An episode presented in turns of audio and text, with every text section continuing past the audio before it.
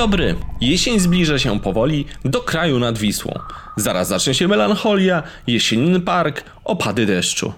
A my, brnąc przez opadłe liście, rozpoczynamy 42 odcinek Alchemii podcastu o piwie.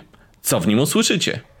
Na początek trzy arcyważne tematy, czyli sprawa dla alchemii, w której wspólnie z Jankiem i Mateuszem ustalimy, czy można się upić ogórkiem kiszonym. Następnie mój wywiad z arcyciekawym motocyklistą Michałem Kobikiem z piwnego garażu i Mermaid Brewing. A na koniec laboratorium i arcyważny temat zamorskich drożdży do piwa, czyli kwejków. Prezentują Janek i Olek. Ja nazywam się Przemek Iwanek i zapraszam Was do wysłuchania 42 odcinka Alchemii podcastu o piwie. 42 odcinek Alchemii podcastu o piwie i kolejna sprawa. Dla Alchemii jest ze mną już Mateusz Puślecki. Cześć Mateuszu. Dzień dobry, cześć. Mateusz dzisiaj siedzi w szafie oraz Janek Gadomski. Dzień dobry. Który siedzi u siebie w domu. Ja też jestem u siebie w domu. Zdradziliśmy wam teraz sekret naszego nagrywania i rozpoczniemy pierwszą sprawą dla Alchemii, którą przedstawi Janek Gadomski. Nie wiem, czy pamiętacie, jak się zaczynał e, polski craft, jak, jak wszystko było robione, wszyscy robili wszystko sami. Etykiety robili sami, marketing robili sami, e, generalnie e, często one-man show. I teraz takich browarów tak na dobrą sprawę nie zostało wiele. Sprzęty w browarze wjeżdżają coraz lepsze. Jakość generalnie ogólnie się poprawia. Wjechały wirówki, niewirówki, jakieś super sprzęty do chmielenia, pasteryzatory w przepływie. I to jest wszystko fajne i wiadomo, że ta jakość jest coraz lepsza. Natomiast e, czy uważacie, że to już jest czas e, do tego, żeby w, do polskiego kraftu wkroczyły agencje reklamowe albo agencje kreatywne, jak to się teraz mówi? To jest jedno i to samo, pewnie tylko inna nazwa, bardziej nowoczesna to, to agencje kreatywne. Myślicie, że potrzebne jest piwowarstwu rzemieślniczemu takie coś? Czy uważacie, że to jeszcze jest za wcześnie, że jeszcze jest za mały rynek? Co o tym sądzicie? Ja ciebie zapytam, Janku, chodzi ci reklamowe o reklamę, czy bardziej o wizualną stronę? Wizualną stronę to wiadomo, że od, od, dawna już e, agencje wspierają e, browary w kontekście etykiet, pewnie w kontekście grafik na social media. Nie zawsze te agencje prowadzą też, też e, fanpage. Niektóre browary korzystają i fanpage są, są prowadzone przez agencje kreatywne ogólnie rzecz biorąc, czy uważacie, że takie wsparcie jest potrzebne e, piwowarstwu rzemieślniczemu? Ja myślę, że jeśli tylko się znajdzie dobrą i tanią agencję, co niestety jest dość trudne, to jak najbardziej tak, dlatego że dlaczego mówię tanią? Ponieważ małe browary generują nie za dużo pieniędzy na takie takie sprawy. Natomiast jeśli browar jest już trochę urośnięty i rozkręcony, no to myślę, że tam jest już więcej, tam można wziąć bardziej poważną agencję reklamową. Na ile jest to potrzebne? Na tyle, na ile browar czuje taką potrzebę. Ja jako konsument nie mam potrzeby konsumowania treści reklamowych osobiście. To musi się browar do tego poczuć, tak mi się wydaje. Ja się zgodzę z e, tym, co mówi e, Przemek, natomiast trzeba pamiętać, że e, to, co jest dobre i tanie, no nie zawsze w rzeczywistości jest dobre. I o tym, co powiedział Janek, że faktycznie, jeżeli chodzi o etykiety, prowary od dłuższego czasu na pewno korzystają ze wsparcia oprócz Janka, bo Janek sobie sam etykiety robi. Natomiast mm, myślę, że w dzisiejszych czasach przy tak dużej konkurencji, jaka jest na rynku, jest dobrze mieć osobę, która, czy agencję, która spojrzy trochę bardziej holistycznie na całą działalność browaru, e, po to, żeby ten przekaz był spójny, żeby otwierał te e, kanały dotarcia e, dla sprzedaży, dla bezpośredniej sprzedaży.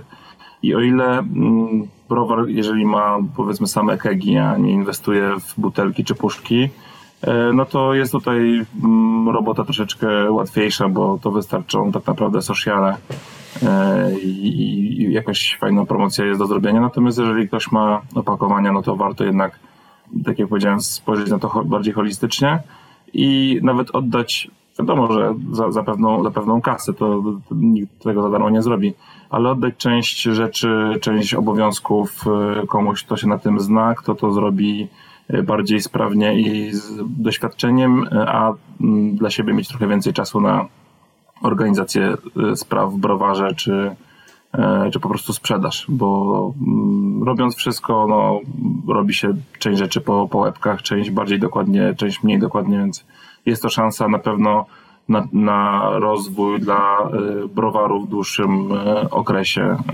żeby po prostu dokręcić rzeczy, które były wcześniej zaniedbane. Tak mi się wydaje. Także w dzisiejszych czasach dużej konkurencji myślę, że warto w to pójść. Jeżeli ktoś ma jakieś większe wybicie, robi puszki, butelki, mm, myślę, że polecałbym. To jeszcze wam powiem, co, co mnie w ogóle skłoniło do tego tematu i, i co, co spowodowało, że, że zacząłem o tym myśleć. To ta akcja, którą Pinta zrobiła z, na dziesięciolecie istnienia, czy dziesiątą rocznicę y, uważania Ala Grodziskiego. Uważam, że ta cała akcja zaproszenia blogerów, y, y, ca, cały, cała komunikacja na fanpage'u i tak dalej, i tak dalej. Ta, ta cała akcja moim zdaniem była majstersztykiem, bo to w jaki sposób zostało odebrane to piwo, a przecież nie oszukujmy się, to tylko grodziskie. Y, fanów aż to tylko. Jak aż. to tylko? Nie aż, właśnie nie aż. Chodzi o to, bo według mnie też yy, aż, ale generalnie według rynku i według konsumentu to tylko grodziskie. I każde inne grodziskie, które wychodzi na rynek nie jest przyjmowane y, z nie wiadomo jaką fetą, tak? A to piwo zostało tak niesamowicie przyjęte i tak nagle ludziom zasmakowało grodziskie przyznaję, że to grodzisko jest świetne, ale, ale jakby nie o to chodzi. Nawet najlepsze grodziskie nie będzie e, nigdy przyjęte tak dobrze jak dobra mętna IPA w tej chwili e, przez konsumentów, więc wydaje mi się, że to całe obudowanie, nie wiem czy robiła to agencja, chyba jednak nie. Z tego co się tam zorientowałem, to raczej, raczej to była inicjatywa Ziemka i, i pewnie e, Grześka Zwierzyny. Natomiast no, e, zrobione to zostało naprawdę z pompą i zwykłe grodziskie e, przybrało e, niemalże mm, postać e, Risa Bourbon Barrel Aged z nie wiadomo jakimi e, dodatkami, które byłoby odebrane jako wydarzenie jakieś w polskim krafcie, więc e, jakby to do czego dążę teraz w tej wypowiedzi to, że uważam, że jak najbardziej wsparcie agencji kreatywnych jest potrzebne. Na pewno takim browarom na poziomie Pinty. Wiadomo, że Pinta jest jedyna na swoim poziomie, ale generalnie chodzi mi o pewną wielkość, do której dążą i do której jak browary rosną, tak?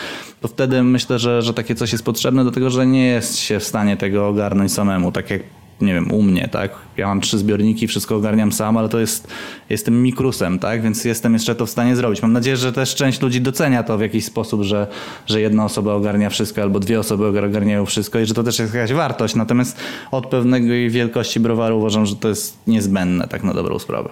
Myślę, Janku, że część może podziwiać, a część nawet zazdrościć że masz takie umiejętności i werwę? Myślę, że raczej nie, ale ja na przykład zazdroszczę te pincie, znaczy zazdroszczę, nie wiem czy zazdrość to jest dobra, e, dobre słowo. Na pewno podziwiam pintę za to, co zrobiła z tym, z tym piwem. Nie no, Pinta to jest, Pinta to jest król dżungli, tu nie ma co w ogóle gadać, ale e, dlaczego ta akcja marketingowa zażarła? Bo ona się odwoływała do tego, o czym się zawsze mówi w, w marketingu, do emocji to były emocje, to zobaczcie, 10 lat tu, proszę, Andrzej Sadownik, który to wszystko zaczął, to było pięknie podane, to było podane w punkt, to było, trafiło do tych, do których miało trafić, także ta akcja była piękna, poza tym Pinta ma rozmach, ma zasięg, ma wszystko, co trzeba i ja bym powiedział, że wręcz, że akurat Pincie to najmniej trzeba by było agencji marketingowych, natomiast jak najbardziej przy ich skali to już wchodzi się na etap, gdzie by należało. Pochwalę jeszcze Ale Browar, który od samego początku zarówno i etykietami, jak i całą obudową tego wszystkiego robił bardzo bardzo fajną robotę też marketingową. Jeszcze inny, jeszcze inny przykład e, podam wam a propos e, ingerencji agencji w to, co się dzieje w browarze. Na przykład Brokreacja, która większość rzeczy robi też sama, dlatego że i Filip i Jurek mają jakieś tam korzenie powiedzmy e, w agencji marketingowej. Natomiast Jurek pozwolił mi zdradzić tą informację, że cała akcja marketingowa związana z crowdfundingiem, tym drugim wypuszczeniem akcji jest już oddana w ręce agencji. Nie wiem, czy widzieliście taki filmik dynamiczny promujący tą, tą akcję, zachęcający do kupna, do kupna tych akcji. I ono jest naprawdę tak, tak świetnie tak, tak, zrobione. Ja jakby omijam te, te akcje crowdfundingowe, bo mnie to trochę nie interesuje. Natomiast ten obejrzałem od dechy do dechy. Naprawdę jest bardzo fajnie zrobiony. No. Muszę zobaczyć. Jak już, jak już e, rzucamy przykładami, myślę, że tutaj się chłopaki z mm, łańcucha nie obrażą, tym bardziej, że e, Piotrek opowiadał sam o tej sytuacji, ponieważ jak wystartowali z browarem, no od, samego początku aż do dzisiaj tak naprawdę nie próbowałem od nich słabego piwa. Każde, które od nich wychodzi jest przynajmniej dobre, jak nie bardzo dobre.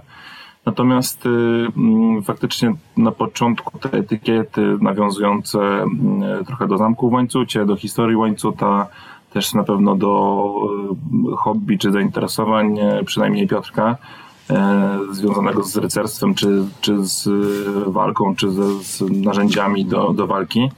Natomiast przez to prawdopodobnie się produkt bardzo słabo sprzedawał, pomimo tego, że był dobry. Natomiast od momentu przejęcia tej części czy większości tworzenia e, etykiet, czy nazywania e, nowych piw, e, Piotrek powiedział, że no, ruszyło i, i w tej chwili są zadowoleni, więc jest to namacalny przykład na to, że agencja wie w jaki sposób komunikować się z Twoim klientem.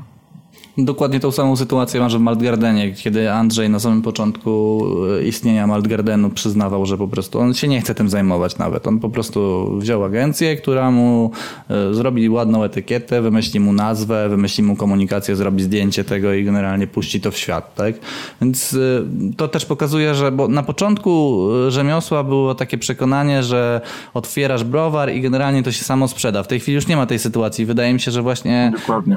browary, które powstają powstają, potrzebują pewnego rodzaju wsparcia, żeby to nie wyglądało, nie wiem, były kiedyś takie etykiety, nie pamiętam jaki to był browar, ale był taki, było takie piwo Kurdupel, nie wiem, to, e, które miało etykietę, no, zrobioną, nie wiem, w PowerPoincie z clipartów chyba. No, wyglądało to, to strasznie i jakby to piwo teraz wrzucić na półkę, to nie sądzę, żeby się dobrze sprzedało, no. Kiedyś Bazyliszek miał bardzo fajne etykiety. Świętej pamięci. Ja jeszcze w takim razie dorzucę łyż, łyżkę dziegciu. Łyżkę dziegciu, ponieważ oczywiście agencje się przydają, natomiast trzeba bardzo dobrze wiedzieć, czego się od nich chce i z kim się współpracuje, bo nie zawsze te agencje wczują się na tyle mocno w krawcik, żeby wiedzieć o co chodzi i czasami strzelają kulą w płot i takich przykładów też mieliśmy całkiem sporo na naszym rynku, co się kończy nie najlepiej. E, wyrzuconymi pieniędzmi najczęściej. Więc krótko mówiąc, albo trzeba im bardzo dobrze to tłumaczyć, albo też i trafić na dobrą agencję, a nie zawsze tak jest. Bo bywały też przykłady, których nie będę wyciągał, że były spartolone akcje. Prawda. Ja zaproponuję w takim razie, e, dlaczego style klasyczne mają gorzej? Jak myślicie? To, to już? Tam bardzo szeroko. Tak, bardzo Szybkie szeroko. pytanie. Bo chodzi mi nie tylko o podejście mm, do mm, popularności w sklepach. Już tutaj całkowicie pomijam jasnego Lagera i Pilsa, który chyba jest e, jedynym e, przykładem e, niepotwierdzającym tej reguły, ale mamy całe mnóstwo stylów klasycznych, jak nie wiem, altbiry, roganbiry, czy nawet polsk, polskie gdzieś tam korzenie, czyli grodziskie albo telewizje, czy nawet grodziskie, tak, które, które się dosyć ciężko sprzedaje. E, myślę, że też podobna sytuacja jest w konkursach. E, zdarzają się oczywiście, tak jak w Krafcie Roku wygrał Dortmunder, ale to był jeden przykład, przykład chyba na, na nie wiem ile. E, natomiast w konkursach zazwyczaj też nie, nie wygrywają, raczej są to piwa mocno chmielone nowofalowo albo jakieś bardzo mocarne, barrel age mm, i tak dalej, i tak dalej. Jak myślicie, dlaczego tak się dzieje, że klasyczne style mają gorzej? No, wiesz co, moim zdaniem odpowiedź na to pytanie jest bardzo prosta. Bo nie o to chodzi w krafcie, żeby coś było klasycznego w krafcie chodzi o to, żeby zrobić coś innego, coś, co będzie smakowało inaczej, coś, co pozwoli ludziom spróbować czegoś nowego, coś, co spowoduje, że otworzysz oczy i, i zrobisz wow. E, nie jesteś w stanie zrobić wow wajcenem, nie jesteś w stanie zrobić wow doppelbokiem albo zwykłym bokiem, bo to nie są piwa, które są jakoś super intensywne i są inne niż to, co było jeszcze 50 lat temu, dajmy na to, czy nawet 10 lat temu. To są po prostu zwykłe piwa. Ja też mam czasami ochotę się napić dobrego pilsa, czy tam do, dobrego wajcena, może trochę rzadziej, ale też od czasu do czasu. Natomiast różnice między tymi wajcenami będą bardzo małe. No, I to no dlatego... dobra, jakby do takiego wajcena dodać maraku i mango. No to będzie, będzie inne, będzie inne. Oczywiście, że znaczy nie wiem, czy będzie hit, ale będzie to w jakiś sposób inne, w jakiś sposób intensywniejsze. Jeżeli jeszcze się uda zachować do tego charakter Wajcena, to, to, to, to, to o tym jest Kraft właśnie, o tym, żeby to było trochę inne. No tak, no Krawcik jest crazy, ale no też nie oszukujmy się, no żeby pić Albira Mateuszu to trzeba mieć minimum 74 lata i pochodzić z Niemiec, także nikt inny się tym nie jest w stanie zachwycić. No ty na przykład bardzo lubisz koźlaka i bardzo nie lubisz jak ktoś hejtuje. Znaczy koźlaka bardzo lubię. Jak jest dobrze zrobiony, to lubię koźlaka. Natomiast w Polsce dobrych koźlaków nie ma za bardzo. Rzadko się trafiają, ale y, wiesz, no jeśli pojadę do, do Bambergu i tam piję wędzonego koźlaka, to jestem zachwycony. Oczywiście, oczywiście, że tak. Natomiast no, Janek trafił w sedno. E, te style nie są sexy, bo nie są nowoczesne, nie są crazy. Co więcej, już e, widać było na samym początku tej piwnej rewolucji walkę mm, krawciku na przykład z Browar Bizem, gdzie tam było takie zachowawcze podejście, o tu chcemy pszenicy, a nie to jakieś tam wynalazki, nie? I, i tam się odbywała wojna ideologiczna i krawcik wygrał, no i, i trzeba się temu podporządkować. Zresztą nie ma co płakać po tych, chcecie sobie kupić koźlaka, da się kupić dobrego koźlaka niemieckiego oczywiście. Nie no, w Polsce też się zdarzają, ale rzadko. Chcecie y, kupić sobie y, właśnie, nie wiem, Wajcena, chociaż nie wiem, po co ktoś w ogóle kupuje Wajcena. Albo Weizenboka to już w ogóle jakieś zboczenie, ale jak chcesz, to se kup, no znajdziesz to. Natomiast to nie na tym polega Kraft to nie na tym polega Kraft. O ile Pils jeszcze moim zdaniem jak najbardziej przez to, co robili Amerykanie jeszcze został zaakceptowany, o tyle wszystkie pozostałe style nie. I tylko Grodziskiego szkoda. Jak można nie lubić Grodziskiego, to jest w ogóle, ja nie wiem, no. Piękne było to Grodziskie z Pinty, e, z Trzech Kumpli też jest bardzo fajne i w ogóle picie Grodziskie. Tyle chciałem powiedzieć. To ja jeszcze w kontrze do tego wszystkiego... Przy... No dawaj. To jeszcze w kontrze do tego wszystkiego, co powiedzieliśmy, e, jak byłem tydzień temu na krano przejęciu w Marynce, e, było też oprócz, oprócz tego, że w Marynce była akcja e, krano przejęcie browaru Monsters i przetwórni chmielu, w szynkarni było chyba krano przejęcie szpunta, gdzieś tam jeszcze w kontynuacji chyba była jeszcze jakaś impreza, a w La Familia były kellerbiry przywiezione z Niemiec, świeże. I był tłum. Ludzie przyszli na te kellerbiry więc to nie jest też tak, że ludzie nie chcą tego pić w ogóle. E, jak są jakieś okoliczne e, imprezy, to ludzie chętnie tego spróbują, bo tego nie mają na co dzień, nie piją tego na to co dzień. Natomiast wtedy ten Keller Beer jest innością od tego, co ludzie piją na co dzień w, w krawciku. I te Keller Beery były znakomite. Natomiast jeżeli miałbym pójść do multitapu co weekend i mieć cztery Keller Beery do wyboru, to jednego tygodnia bym się ich napił, a już kolejnych bym ich nie pił. No ty Janku fajnie e, podprowadziłeś pod, e, pod jakby mój pomysł na ten, e, na ten temat, ponieważ ostatnio miałem okazję robić degustację. Chciałem zrobić takie porównanie do z tych stylów klasycznych, nie bez dodatków i szukałem klasycznego Goze i e, Berliner Weisse i po prostu kurwa nie ma. Nie ma nigdzie. Nikt nie produkuje tego. Zdarza się czasami kwas pruski albo jakieś y, niemieckie Berliner e, Weissers, Berliner Kindle, ale to są po prostu, trzeba po prostu jeździć po sklepach i szukać tego, y, jak igły siana. Natomiast no, berlinerki z owocami, gosy z owocami jak najbardziej, no możesz sobie po prostu przebierać. E, I to jest trochę, jakby rozumiem wasze podejście, że Kraft dąży do czegoś innego, natomiast no jest to też trochę dla mnie smutna sytuacja, że jeżeli chcę napić się jakiegoś stylu E, klasycznego, nie mówię już konkretnie niemieckiego, ale w ogóle z całej Europy czy, czy z Polski, no to po prostu jest bardzo ciężko, trzeba się często e, tego e, naszukać. No i to tak chyba tyle ode mnie. Mateusz na Browar Bis. A ja chciałem porozmawiać z wami o piwie bezalkoholowym. Temat bardzo na czasie, bo oczywiście jak zapytacie, jakie jest najbardziej popularne piwo, to coś zaczną mruczeć o jakichś ipkach. Nie, piwo bezalkoholowe jest najpopularniejszym stylem w Polsce i ono się świetnie e, sprzedaje i to jest numer jeden zarówno jeśli chodzi o te piwa e, komercyjne, jak i w krawciku każdy, kto może, przebiera nóżkami, żeby piwo bezalkoholowe, zwłaszcza na lato mieć. No ale tu się pojawiają pewne problemy. Pewne problemy, a mianowicie e, piwo bezalkoholowe, jak dobrze wszyscy wiedzą, może mieć do pół procenta alkoholu.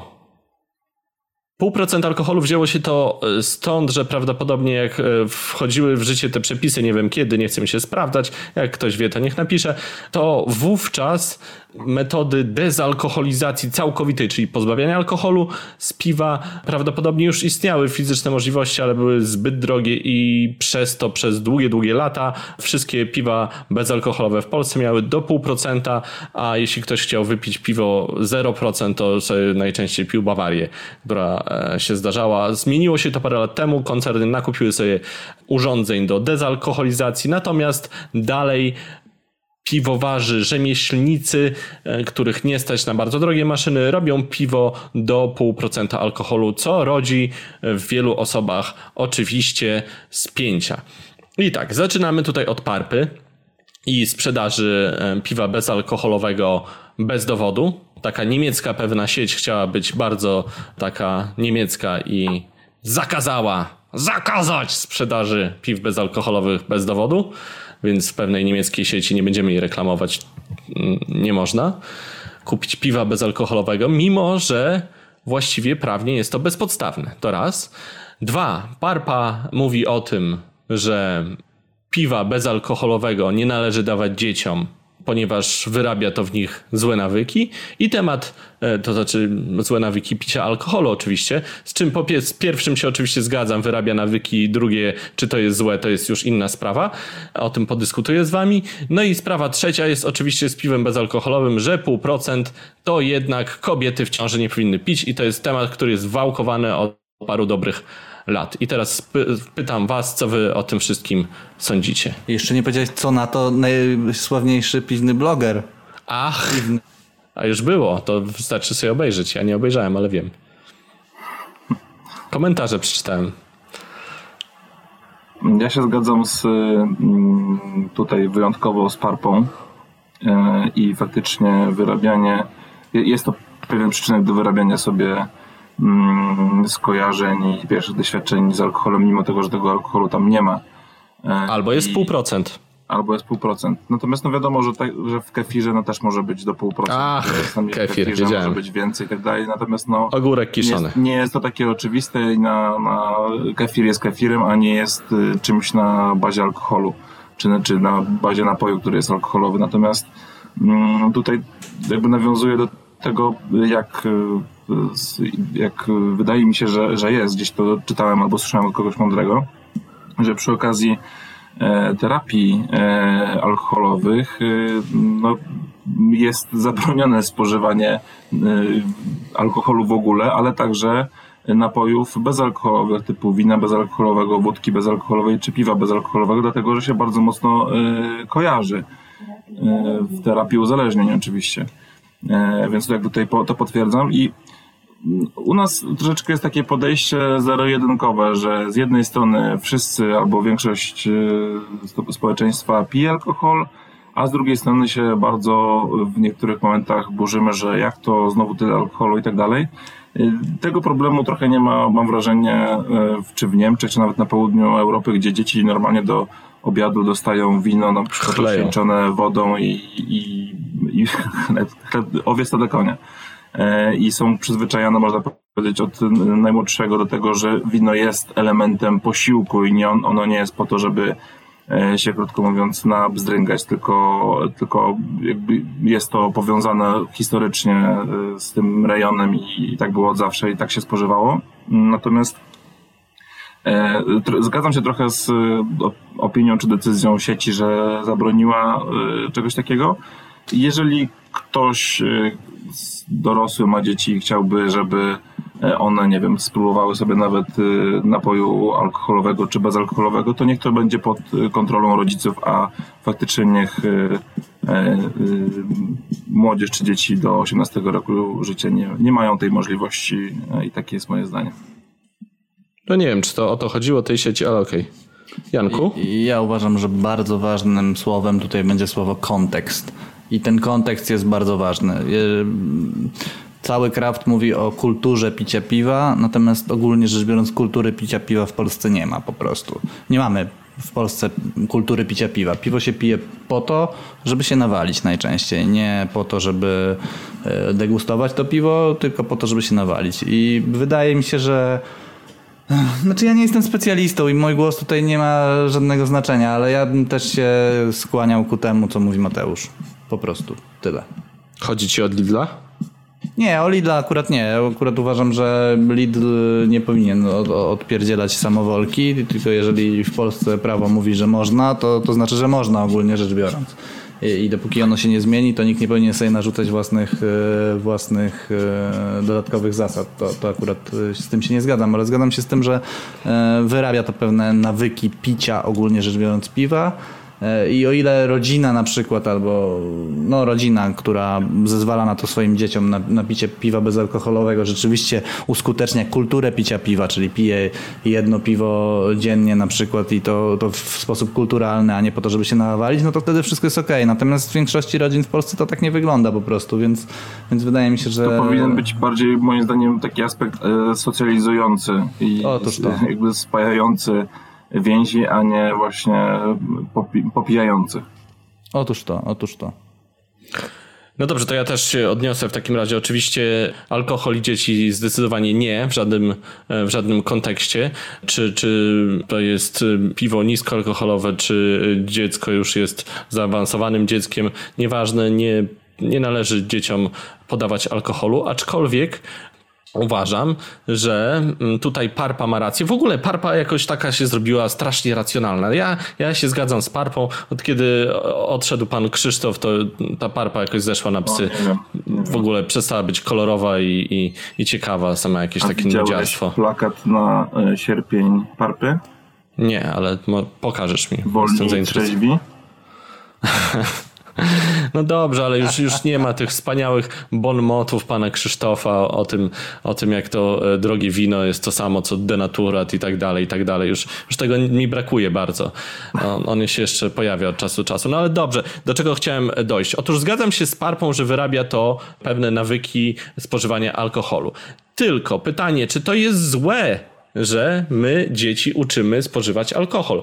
Ja uważam, że kupowanie szampanu alkoholowego, oczywiście bezalkoholowego, na Sylwestra dzieciom jest w pewien sposób kontrowersyjne, ale z drugiej strony uczmy dzieci też, że po pierwsze, rozsądnie pity alkohol to nie jest nic złego, po drugie, że to też jest coś, czym można sobie celebrować pewne rzeczy. Oczywiście można celebrować bez alkoholu, można zjeść sobie wykwintną kolację, ale też bym nie demonizował. Zgodzę się z tym, co powiedział Mateusz, że w wielu krajach e, dzieci, na przykład we Francji, siadza się przy stole, sadza się przy stole z dorosłymi i one widzą, że ci dorośli raczą się tym kieliszkiem albo butelką alkoholu na wszystkich i to nie jest nic złego jeśli edukacja taka, moim zdaniem, też nie jest niczym szczególnie złym. Tak samo jak uważam, że edukacja seksualna dzieci też nie jest niczym złym, bo uważam, że lepiej czasem e, o czymś powiedzieć, niż te dzieci mają sobie narobić problemów, prawda, w życiu. Więc uważam, że trzeba do tego podejść rozsądnie, natomiast nie należy jednak podawać dzieciom również e, tych niskoprocentowych piw. Te piwa do pół procent jednak zawierają jakiś procent alkoholu i żadnym dzieciom się ich nie powinno podawać, ani tym, co mają 13 lat, ani tym, co mają co się świeżo urodziły, a niektórzy sugerują, żeby na przykład kobietom w ciąży dawać piwo, te pół procent alkoholu. Ja tak sobie myślę, że jak taka kobieta by wypiła tych piw 10 albo 12, to by miała tyle co w jednym piwie, nie? To. No, mniej więcej. Niedobrze. Przy okazji dostałaby cukrzycy, bo tam jest kupę cukrów i pewnie szybciej by instant cukrzycy by dostała, a dopiero później dziecko by miało ten alkohol. W każdym razie, jeśli ktoś twierdzi, żeby kobieta mogła pić te piwo do pół procenta alkoholu, to się niech zastanowi, czy na przykład noworodkowi by też polał takie e, piwo do pół procenta alkoholu, bo jest tylko pół procenta alkoholu.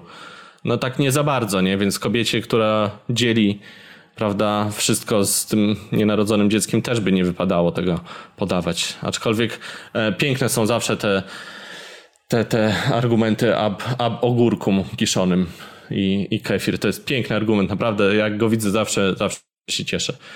Nie jedźcie ogórków, bo się upijecie. Albo nie liszcie płynu do dezynfekcji z rąk, bo was zatrzyma policja, jak samochodem będziecie jechali. Nie polecamy ogórków przed jazdą samochodem. Ogórek to do wódki. Oj, u. Nie. Ogórek Parpa kiszony przyjdzie nie. i cię zje. Tak, nie pijcie ogórków, nie jedzcie kefiru i nie zlizujcie płynu do dezynfekcji rąk. Bardzo was o to proszę. Taki jest mój apel dzisiejszy.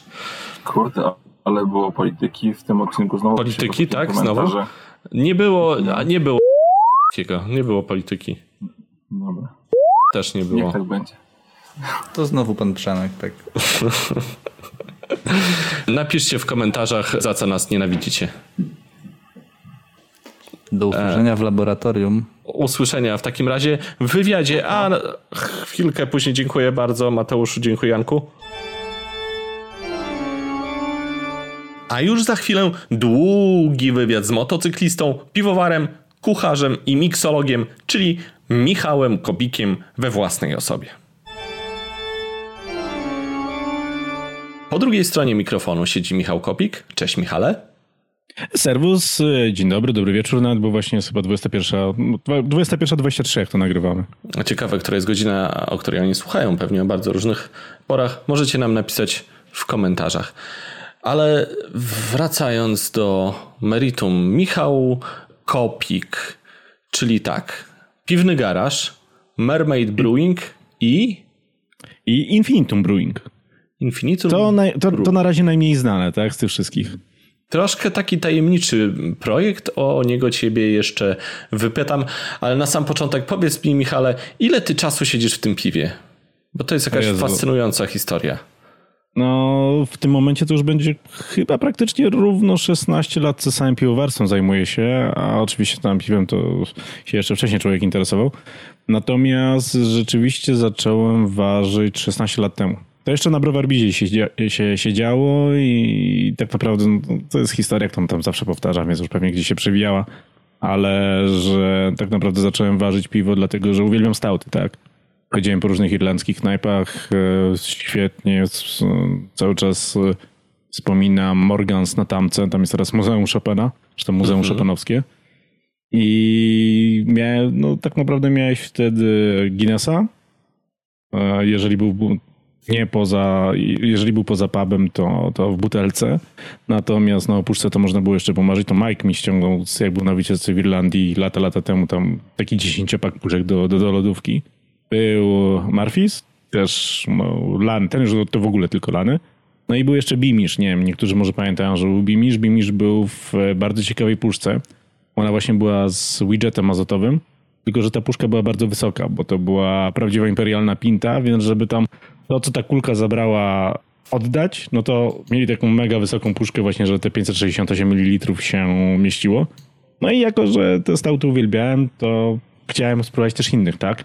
Foreign, e, foreign Extra, chciałem spróbować imperialnych stautów, chciałem zrobić różne, nie wiem, oatmeal, milk, e, bla bla i tak dalej, tak? Które tylko się dało. Tropikalne stauty. W związku z tym, jeżeli chciałem coś takiego zrobić, to znaczy, jeżeli chciałem coś takiego spróbować, no to musiałem sam coś zrobić. I tyle. No i potem się, jako że ja zawsze byłem biolchem, poszedłem na SGGW, ochrona środowiska, technologia żywności i się okazało, że na katedrze w pokoju z moim e, ćwiczeniowcem od chemii organicznej bytuje dr Andrzej Sadownik. Więc to najwyraźniej tak miało być. Czyli człowiek, który siedzi mocno w piwie. W ogóle musimy chyba, wiesz co, mam wrażenie, tłumaczyć czasami, bo ty mówisz 16 lat ważysz. Mam wrażenie, że niektórzy mogą słuchać, którzy mają na przykład 18 lat albo 20. I No to jest idealny moment, żebyście zaczynali, dlatego że Tak. te 16 lat oznacza, że ja zacząłem jak miałem 18 lat. No tak, ale powiem, że oni mogą nie wiedzieć tego, że jeszcze dobre 10 lat temu albo 15 lat temu to znalezienie jakiegoś innego piwa, które by wykraczało poza e, schemat jasny, lager i tak dalej, głównie koncernowy, to była ciężka sprawa. Znaczy, wiesz co, no z perspektywy Warszawy to może nie było aż takiej wielkiej tragedii, aczkolwiek znowu po amberowskiego koźlaka, z warszawskiego Ursynowa jeździłem do centrum, na Polną, tam był sklep w e, bazarku na Polnej, Świat Piwa, Piwa Świata jakoś tak się nazywał. I to było jedyne miejsce w Warszawie wtedy, gdzie był koźlak amberowski. Potem się pojawił w, nie wiem, czy jeszcze istniejącej Zuluguli na e, pętli na Tolin Północny. To było super. No, istniał browar Jurand, który robił wspaniałego koźlaka w takich zielonych bączkach. Amber miał przecież wtedy butelkę malowaną tego koźlaka, zresztą jeszcze jakieś tam butelki zarówno Juranda, jak i, malowanego piękną- koźlaka. Piękną No, historią. piękne, piękne. Tak. E, Notabene to przecież też pierwsze takie wojenki, które tam były, dlatego że jak Browar Juran się zamknął, no ale tam e, kontraktowali produkcję, bo firma, Browar się zamknął, a firma została, tak, jak w wielu przypadkach. No to oni mieli e, przez pewien czas taką, nie powiem wojnę patentową, ale no, te butelki były chyba u Czechów robione wtedy to piwo, koźlaka właśnie. I był dokładnie to samo w butelce Wiszy, co wtedy. To mało kto w ogóle butelkę Wiszy stosował i widział na rynku. I też było malowane, tylko że było malowane w trzy różne kolory. I do tego stopnia to dochodziło, że na półkę w supermarketach yy, pracownicy po prostu stawiali to w jednym miejscu, no bo myśleli, że to jest ten sam browar, tak? Malowana, malowana, koźlak, koźlak. Grafika podobna, podobna. No to okej. To Grubo. były bardzo, no to były bardzo fajne czasy. No przecież nie wiem, czy ty pamiętasz, ale był taki moment, co browar Jabłonowo wypuścił trzy różne pszenice, właśnie też w butelkach Wiszy. To tam był bardzo chyba krótki jeden rzut nawet. I tam była no, Hefeweizen, był piwo białe, o, obołoń biały był bardzo popularny wtedy. I jeszcze był Dunkelweizen. I to było takie wow. No dobrze, to były na pewno oszałamiające premiery na tamte czasy. Dzisiaj e, nikt by pewnie się nad tym nie zająknął. Także e, nie wiem, może zaproszę cię na kolejną rozmowę z docentem o prehistorii polskiego kraftu. Jest ona prehistoria jest ciekawa, dlatego że przecież Boże, jakie, jakie piwa wtedy były ciekawe i tak naprawdę w większości trzeba było próbować tej klasyki. Jak miałeś okazję pojechać, nie wiem, do Piotra i Pawła, czy to też jeszcze istniało, tak już nie istnieją, poza tam chyba jednym, to tam były właśnie piwa angielskie, belgijskie, niemieckie, czeskie, nie aż tak bardzo, no czeskie to na południu Polski. I rzeczywiście no, trzeba było się opisać tej klasyki, jeżeli chciałeś się próbować, zresztą wszystko było wtedy ciekawe. Ja uważam, że to były fajne, romantyczne czasy, tak, tak szczerze. Ja myślę, że to naprawdę są. e, Były bardzo romantyczne czasy. Niestety e, takie relikty właśnie jak e, browar Malinka tutaj na brazylijskie się zamyka, także pewne rzeczy niestety nie są jednak wieczne. Dobrze, chciałem ciebie zupełnie o inne rzeczy popytać, Michale. E, Czy skoro siedzisz tak długo w tym krafcie, ty sądzisz, że byłbyś w stanie robić coś innego jeszcze w życiu? Wiesz no jakbym musiał, to zaczął się robić, jak mu to musiał się nauczyć. Wiesz, na przykład zajmuję się fotografią, tak, no może nie jakoś tam zawodowo, no ale te okładki do piwowara, czy tam ostatnio właśnie też osiągnięcie, zdjęcie grafika na, na puszkę naszego kolabu Mermaid Pinta, no to to tak może bym się tym bardziej zajął. Natomiast jeżeli chodzi o to, co rzeczywiście sprawia mi przyjemność w życiu, no nie, niekoniecznie chciałbym robić coś innego niż ważyć piwo. Ja zresztą inna opcja. No, ja mówię, że jeżeli bym zajmował się czymś innym niż e, piwowarstwo, to prawdopodobnie bym pracował w kuchni. O, i to jest bardzo bliskie. I o to też Cię będę jeszcze dzisiaj pytał. Dobrze, to teraz co nieco o Twoich e, projektach byłych i obecnych, czyli dla mnie ten najbardziej znany to był z przeszłych Kingpin, tak? Czy coś jeszcze było wcześniej? To czy wiesz, no, no moim projektem to nie było, ale pracowałem w browarze Konstancin, jak jeszcze był w, o, nawet nie w samym Konstancinie, tylko w oborach pod Konstancinem. Tak, ten prawdziwy browar Konstancin, nie ten fałszywy, który jest teraz. E, Ja nie mówię tam, wiesz co, ja jestem z tych, którzy nie mówią tam prawdziwie fałszywie. No, z jednej strony jasno rozumiem, że, że no, prawa do marki zostały zachowane i browar został przeniesiony, natomiast z drugiej strony, no wiesz, no dla mnie to fajnie, że ta instalacja gdzieś działa, pracuje, robi piwo, całkiem dobre piwo i żyje, a nie została pocięta na żyletki i sprzedana na złą. Nie mam nic do instalacji, bardziej y, triggeruje mnie nazwa, wiesz, coś jak y, ważenie, e, wiesz, no, żywca w innym miejscu, bo doskonale wiesz o co mi chodzi. E, Nie jestem wielkim fanem e, Nie, no jasno nie rozumiem. podpisywania miejscowości albo fałszywie podpisywania miejscowości. Nie jestem fanem browarów regionalnych, które ważą na, całe, na całą Polskę, do każdego regionu inne piwo, bo to znaczy to samo piwo, tylko z inną etykietką, także e, trochę mnie to triggeruje, ale zostawmy to. O, mało to browarów e, kontraktowych tak robi.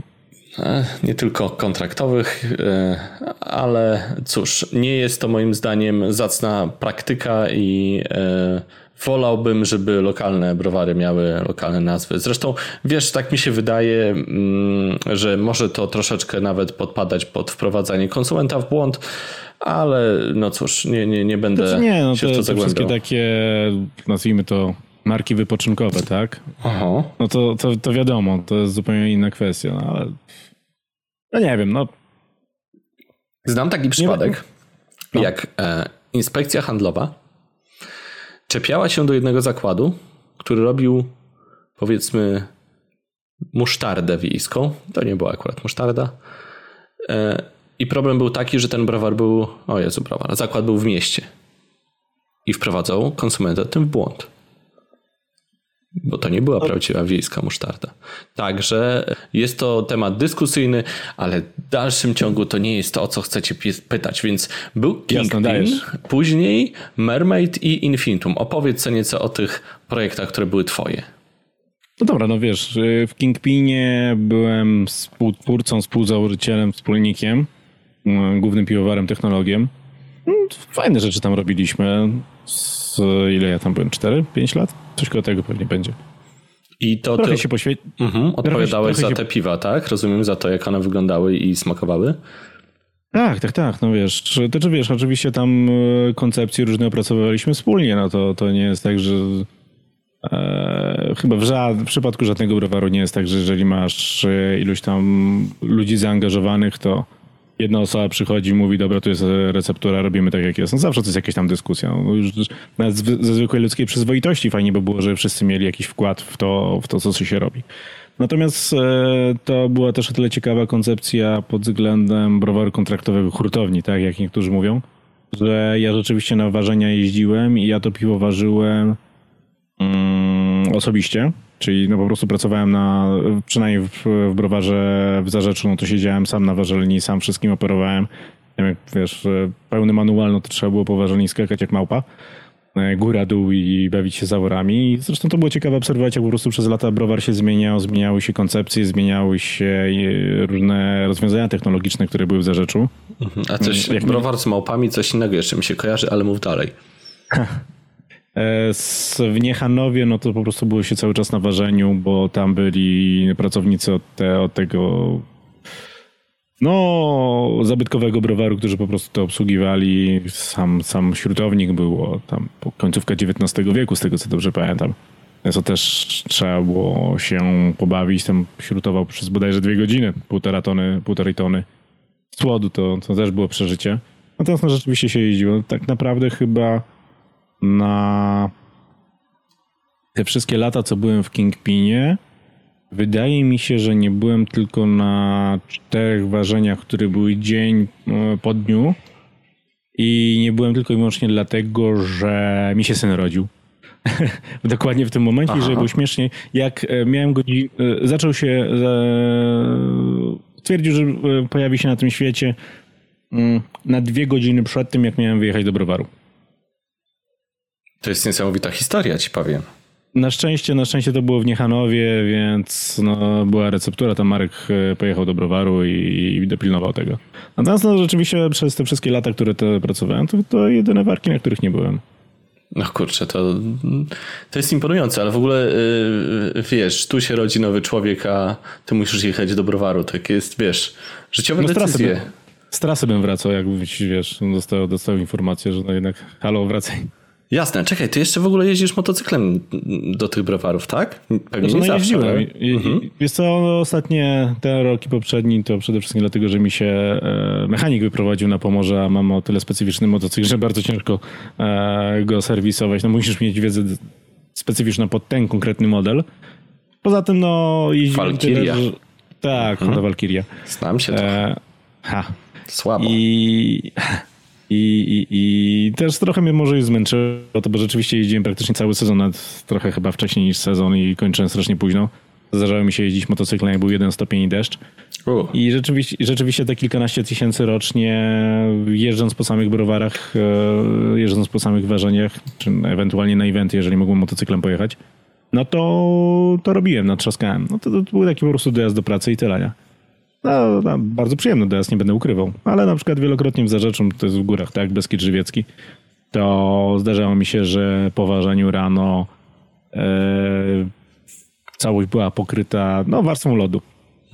No akurat tam kwiecień, nie? Dopiero się zaczynało, w nocy przymrozki, parę stopni, trochę popadało, dziękuję, do widzenia. To No, może być zabawny tak czas. nieprzyjemnie siadać na to, takie oblodzenie. Zabawne czasy. A, okej. Wspominam, z roz, wspominam z rozrzewnieniem. Dobrze, syrenki. Mermaid. Co, Syrenki też e, akurat chronologicznie to będzie nawet e, na ostatnim miejscu, no ale skoro już zaczęliśmy Okej. o tym mówić, dlatego, że Syrenki to taki projekt, gdzie ja już odszedłem z Kingpina, no jednak nadal chciałem ważyć piwo w, trochę inne niż ważyłem dalej, ale o tym zaraz, e, do tego zaraz przejdziemy. Natomiast e, chodziło o to, że po prostu chciałem IPy robić, tak? IPy, ewentualnie jakieś takie stałty, jakby się dało pijalne, że jak rynek w końcu zdecyduje, że może by z powrotem chciał mieć stałty.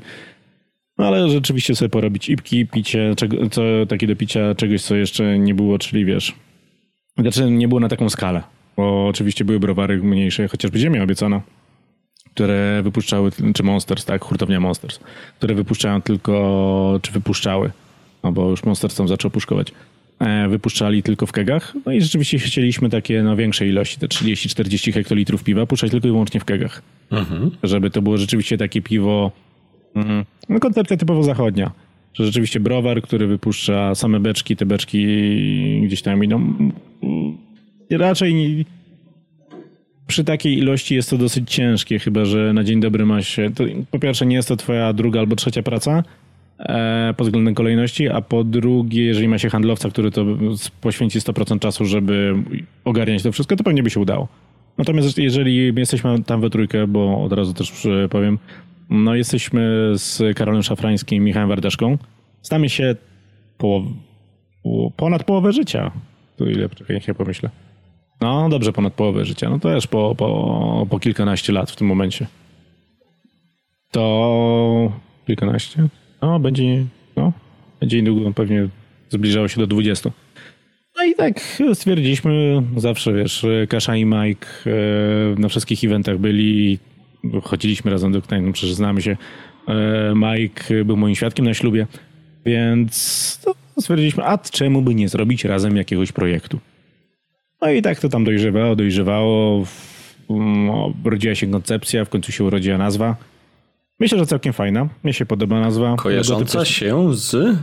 Syrenką warszawską, oczywiście. Oczywiście. A z czym innym miałoby być? I e, robicie No jest to- piwo syrenka? Będziecie robić? Co Syrenka raczej nie. Zresztą my tak trochę od sasa do lasa. To jest taki Dla projekt. turysty takie, wiesz. Na No by. Na Starym Mieście jesteśmy przecież. Jesteśmy e, same krafty vis-a-vis. Tak, jest ale wiesz, nasza pamiątka. Pamiątka z Warszawy, rozumiesz? Sprzedałem Co? ci koncept teraz. Te, te, tak, właśnie mi sprzedałeś koncept i tam trybiki jakieś tam zaczynają chodzić, ale też my tak trochę się bawiliśmy tą całą koncepcją, no bo zobacz, pierwsze nazwy, które tam robiliśmy, to były w ogóle po łacinie i to się wzięło absolutnie z tego, że a cholera, chcieli- chcieliśmy na samym początku wypuścić dwa, dwa piwa i chcieliśmy je wypuścić, no, jakie tam nazwy wziąć, a to pytam.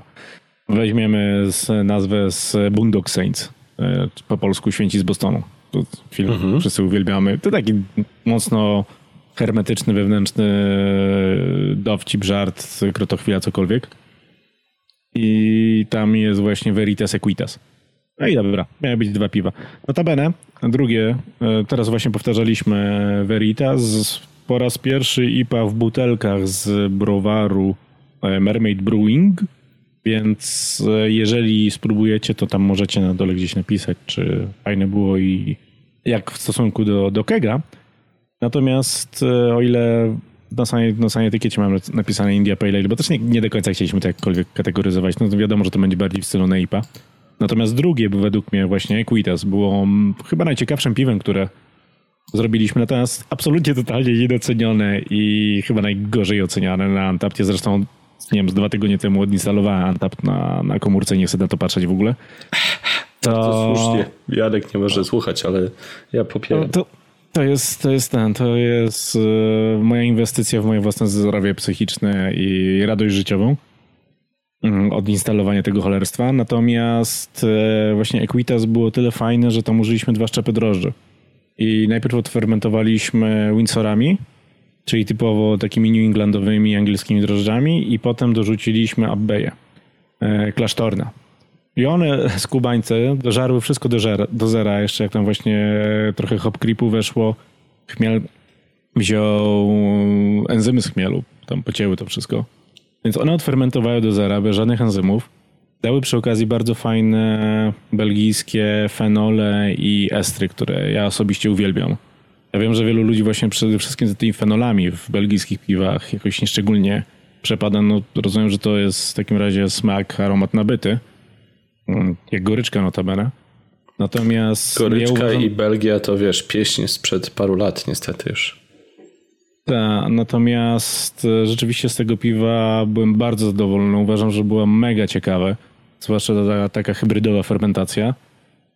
E, ono się fajnie zmieniało, bo ono na początku właśnie było jeszcze takie bardziej ipowe, trochę takie Belgian IPA Potem już się zaczęły robić sezonowe, ono cały czas pracowało, te drożdże cały czas tam przerabiały te wszystkie swoje. Właśnie to też magia kega, który był niepasteryzowany, niefiltrowany. Więc to piwo mogło się zmienić. Zresztą wszystkie nasze piwa w kegach właśnie tam pracują. Nagle się pojawia więcej grapefruita po, nie wiem, dwóch tygodniach czy trzech tygodniach, potem się pojawia ananas, potem się pojawiają jakieś różne nuty. To jest bardzo fajne. I rzeczywiście te kegi e, pracują, cały czas się zmieniają, więc e, to, to jest ciekawe. Zrobiliśmy też ten dowcip trochę postaci tego pastry stouta, tak, wypiekowe mocno. Ja się uparłem, e, żeby nie wypuszczać tylko i wyłącznie tego pastry stouta, ale też dać wersję sauté, czyli ciemne ekstra mocne. No oczywiście tam ono musiało mieć laktozę, no bo to już była baza piwna i tak dalej, no ale muszę nie darował, jeżeli byśmy nie wypuścili też normalnej wersji. Natomiast to wypiekowe, no to jak tam patrzycie ewentualnie na komunikację, głównie ja odpowiadam za komunikację na, na, na Facebooku w tym momencie. I to oczywiście, że są aromaty. Jakie tam, jakie tam 200 kg kokosa? Aromaty. I tam zdjęcie tych puszeczek z Jaru i tam jeszcze z jednej firmy na, znaczy puszeczek, butelek takich aluminiowych e, i plastikowych na, na, na, beczce w ogóle drewnianej, bo też tam trafiło do dwóch różnych beczek. Nie będzie pod koniec roku. I no co? Jest mnóstwo piw na aromatach, gdzie browary czy hurtownie nie przyznają się do tego, że te aromaty są. Nie wiem, na skanie, jakie bardzo dobre piwo. I to jest śmieszne, Kasza mi to mówił. Ja tak jak mówię, no nie patrzę na te oceny, już je sederowałem, no ale Kasza mi właśnie powiedział, że najciekawsze jest to, że praktycznie co druga ocena wypikowego mocnego no, to jest e, no dziwne, ale dobre, czy tam dziwnie dobre, zaskoczenie. No bo powiedzieli, że są aromaty, no to jak to może być dobre? No coś wiesz, jak już połowa tych smaków, które zostały wcześniej nabyte, się okazuje, że jest na aromatach. I teraz jest kolejne piwo na aromatach, ale no, gdzie po prostu jest napisane, że to są aromaty. No to takie, ale jak to? I też ciekawostka, też ciekawostka przecież ta dyskusja sprzed nie, dwóch dni o maltodekstrynie. Mhm. Pisze artykuł. To... Będzie A, pierwszy niż no. ten wywiad, więc taki mindfuck zawsze jest lekki. E, dobra, mm, wiesz, maltodekstryna, no to w takim razie nie będę tutaj bardziej zapowiadał, jeżeli chodzi o maltodekstrynie, natomiast e, generalnie chodziło o to, że jest dyskusja, że pinta, tak, bardzo dobrze zresztą, ja, tak jak jeżeli już się decydujemy podawać nie tylko, nie tylko na etykiecie alergeny, tylko cały skład, no to wymieniłem też maltodekstrynę, która była w kooperacji z ziemią obiecaną i notabene w naszej kooperacji też była i też jest na etykiecie. Tylko akurat nie zostało to zauważone. E, I teraz, no, że ale jak to maltodekstryna? Ale to już, tak jak powiedziałeś, piszesz artykuł, no to będzie w twoim artykule. Było, bo to wiesz, czas przeszły. To jest straszny mindfuck właśnie, jak się nagrywa i ono jest, wywiady co później, a artykuły wcześniej. Dobrze, nieważne, nieważne. To teraz jest właśnie moment na zadanie ci podchwytliwego pytania. Jesteś gotowy? Jestem, aczkolwiek zastanawiam się, czy zaraz nie będę musiał kota wypuścić z pokoju, więc e, w razie czego będziemy przerywali. Będzie Dobrze, więc e, ja ci zadam podchwytliwe pytanie, a ty wtedy y, nie będziesz wiedział, co odpowiedzieć i wypuścisz kota, ok? O, jest to bardzo cwane w takim razie. Rzeczywiście to się udało. Czym różni się piwo sprzed pięciu lat, typu tam powiedzmy śliwka, wiśnia, coś tam takie słodkie dla kobiet, Albo sok do piwa, taki skład, ten sok, syrop taki, co w, w pompkach jest w takich, wiesz, dużych naczyniach, tam jest skład cukier i aromat, od współczesnych piw rzemieślniczych z cukrem, na przykład laktozą, maltozą i aromatem. Czy chodzi tu o prestiż? Czy gdzie jest ta różnica, powiedz mi? To jest podchwytliwe pytanie. Jeżeli by nie chodziło o prestiż, to przede wszystkim nie byłoby takiego ruchu na ukrywanie składu piwa, bo to też e, widać po pytaniach konsumentów, które zadają. Rzeczywiście są zainteresowani, czy, czy e, te składniki tam są, czy tych składników tam nie ma. Bardzo często na przykład dostają odpowiedzi wymieniające. Ale czekaj, czekaj. Oni chcą, żeby one na przykład Nie, to nie, piwo nie, pachniało, ale nie chcą, żeby były aromaty. Chcą, żeby było słodkie, ale bez cukru. Czy ja się mylę?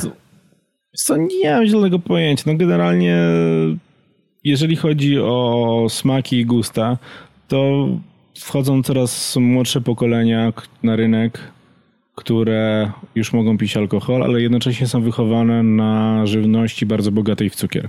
My jeszcze jesteśmy z pokolenia, które aż tak wiele cukru nie wchłaniało.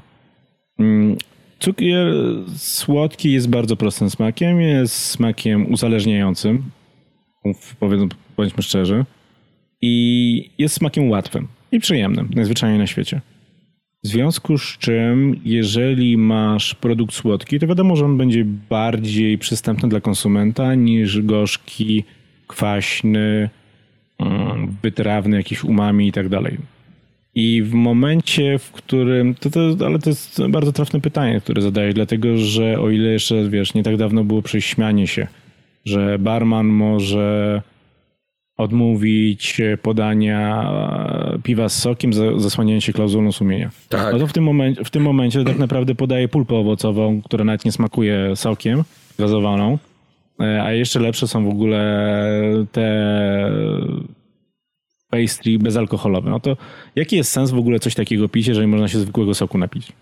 No i często nie mają też e, cukry takie czy inne i aromat, więc Oczywiście, że mają. No przecież, s- daj Boże, no jeżeli mamy 19-20 plato i 5-7% zawartości alkoholu, no to sorry, ale tam laktoza i maltoza są grane.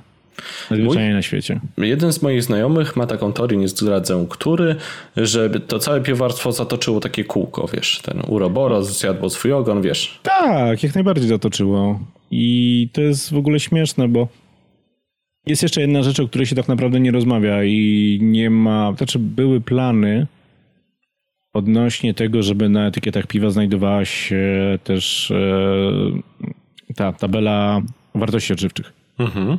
I teraz zwróć uwagę na to. Jeżeli masz piwo, które ma 20 e, plato i ono ma na przykład 6% alkoholu, Mhm. I teraz- Zastanawiające. I teraz e, nawet dajmy na to, ono nie jest na jakichś aromatach, tak? Tylko jest rzeczywiście tam parę pulp owocowych. I te pulpy na przykład, że efekt był jeszcze lepszy, bo inaczej by to wszystko zostało przefermentowane przecież, no to były dostane na przykład wrzucone bezpośrednio do bebeta i to było, zostało spasteryzowane, że tam się nic nie działo. I teraz tak.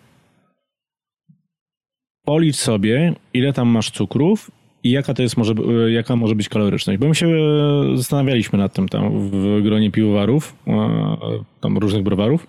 No i generalnie taka puszka takiego pastry soura, który jest nawalony pulpą, jest nawalony maltodekstryną, jest nawalony laktozą, to może być spokojnie jakieś 500-600 kilokalorii. 500-600.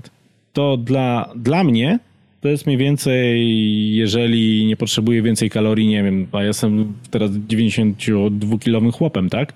To dla mnie to będzie jakieś 1 piąta mojego dziennego zapotrzebowania, te 500-600 kilokalorii mniej więcej, tak? Jedna piąta. Mhm. Tak. A teraz zastanówmy się, czy da się takiego pastry wypić więcej niż jedną puszkę. Oczywiście, że się da. Tylko przez to, że jest na przykład właśnie kwaśne, to to maskuje ten cały cukier, który tam jest. Czy jesteś w stanie, nie wiem, e, opierdzielisz litrowy karton soku naraz? To przecież nie. Doskonale wiesz, że to jest raczej nie najlepsze rozwiązanie, które może być. Mówi się o tym, że wiesz, litr coli to sobie wypijesz. Są ludzie, którzy pili na przykład, nie wiem, historii, nie jedne, dwa, dwa litry coli dziennie i kurde, po pewnym czasie mamy problem duży ze, ze względów zdrowotnościowych.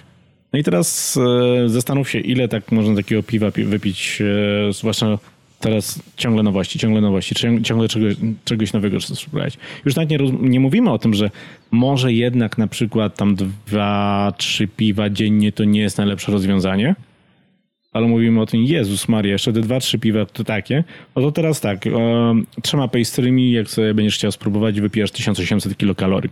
Dajmy na to. 1800. Plus kebab. No stary, no ale to jeszcze wiesz, śniadanie, obiad, kolacja, tak? Jeżeli mówimy o takim puszkowym, nie? Że sobie w domu mm. po prostu wypijesz, żeby sprawdzić. No, nie sądzę, że to był jakiś straszny problem wypić te trzy takie piwa. Przy tym, przy imperialnych stautach, które też będą miały 500 kilokalorii, tak? Zwłaszcza, czy 600. Zwłaszcza te takie powyżej 25 plato. No ale to wiesz, że jak wypijesz trzy imperialne stauty, to to może nie jest najlepszy pomysł. A tutaj no nie, tak. nie widzisz. A tutaj tego nie widzisz, dokładnie. To jest problem. Mhm. Tutaj tego nie widzisz. No w ogóle ciekawy temat, bo wydaje mi się, że nie mówi się w ogóle o kaloryczności piwa, wiesz, no e, jest tam jakiś e, śmieszne wyznaczone raz, że, że, że nie wiem, że ma tyle i tyle i, i wszyscy to powtarzają w kółko, a tak naprawdę są bardzo różne piwa i mają bardzo różną e, kaloryczność i Właśnie mm, chciałem Ci zadać pytanie i troszkę na nie odpowiedziałeś, ale może jeszcze je rozwiniemy. Dlaczego w ogóle w Polsce te piwa lekkie i e, wytrawne mają się kiepsko? E, wiesz co, nie do końca lekkie, bezalkoholowe mają się bardzo dobrze. Ale przecież piwa bezalkoholowe wcale nie są takie lekkie, bo one często są dość ciężkawe. Część, tak, to czy wiesz co, one będą bardziej na pewno, nie są, na pewno nie są wytrawne, ok? Tak, na pewno nie są wytrawne, aczkolwiek takie bezalkoholowe, które rzeczywiście miały mega fajną goryczkę, tam dosyć solidną, jakieś solidne bezalkoholowe IPA, oj, to ja z przyjemnością przyjął, tak? Zresztą to jest e, ciekawe, że właśnie trend na, na piwa bezalkoholowe na całym świecie tak naprawdę poszedł do góry. E, w ramach ciekawostki jeszcze odnośnie wytra e, wytrawności, bardzo jak teraz była pandemia i sobie nadrabiałem wszelkie możliwe webinary i tak dalej. Między innymi były bardzo fajne webinary z Craft Brewers Conference, które się nie odbyło w tym roku.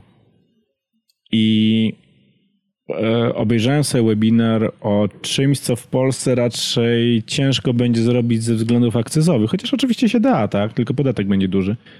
E, o hardzelcerach.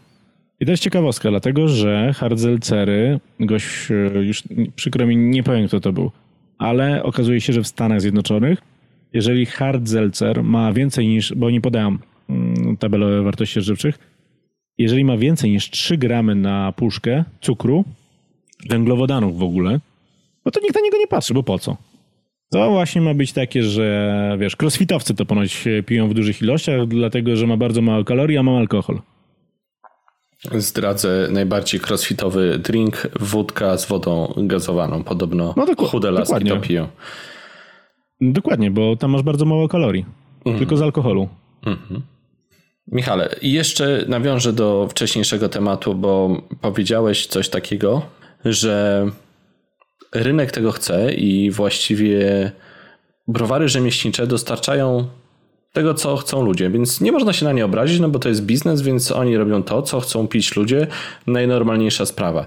I z jednej strony ja się z tym zgadzam, a z drugiej strony sobie myślę tak, kurde, do cholery, czy krawcik właśnie nie miał być oderwaniem się od tej pulpy, którą sprzedają, pulpy w znaczeniu takiej papki, którą e, sprzedają koncerny, które właśnie schlebiały tym tanim gustom? Ale widzisz, to od samego początku było właśnie, że, że no przecież musimy robić coś innego niż ten masowy Eurolager. Ja oczywiście nigdy tak nie twierdziłem, bo ja nie mam nic do koncernów, mnie to nie przeszkadza. Zresztą ostatnio bardzo, chyba najwięcej piw, które piłem, to właśnie były jakieś lagery i one naprawdę się poprawiły przez, przez dłuższy czas. Nikt nie patrzył. Natomiast rzeczywiście to było takie, no, cały ruch kraftowy, nie tylko u nas, tak, piwowarstwa rzemieślniczego, powstał jako taka e, kontestacja tego wszystkiego, co było. I robimy co chcemy, pamiętasz? Ro, robimy co chcemy, robimy piwa ekstremalne, robimy piwa z dużą ilością e, różnych ciekawych składników, goryczki, gorzkie, ciemne, ciemne i gorzkie i tak dalej, i tak dalej, i tak dalej, i tak dalej. Przede wszystkim piwa, które wiesz, mają smak i tego smaku mają bardzo dużo i rzeczywiście tak było. Natomiast e, w tym momencie wiesz, skończył się okres romantyczny, zaczął się biznes. ja uważam, że nie ma co się obrażać na, na różne style piwa. Mnie to jest zarzuca, zarzucane, że wiesz, że ja tutaj gotuję pastry i stouty i sauery i tak dalej, wszystko co tam można być. E, butuję jako styl, bo uważam, że to jest niepoważne. Tak, uważam, że to jest niepoważne. Natomiast nie mam nic przeciwko temu, żeby robić pieniądze. Bo wiesz, po 30 i mając dwójkę dzieci, ja uważam, że zarabianie pieniędzy to jest najlepsze hobby, jakie można mieć. Więc no, nie ma się co obrażać na to, że ktoś robi coś, co, co, co się sprzedaje, tak? Pytanie tylko należy zadać sobie takie, czy to jest to, co chcieliśmy robić? Jeżeli tak, jeżeli chodzi tylko i wyłącznie o zarabianie pieniędzy, no to spoko, nie ma problemu. Natomiast jeżeli to rzeczywiście mm, sprzedanie pod płaszczykiem jakieś e, krzewienia kultury, robienia czegoś ciekawego i tak dalej, to nie, to nie do końca jest to. To jest właśnie też bardzo ciekawy artykuł, czytałem ostatnio od gościa, który z kolei zajmuje się zawodowo whisky, że pierwotnie te wszystkie rzemieślnicze destylarnie, które też zaczęły powstawać, wzorowały się na amerykańskim, chciały się wzorować na amerykańskim rynku piwa rzemieślniczego i właśnie na tej kontestacji, tak?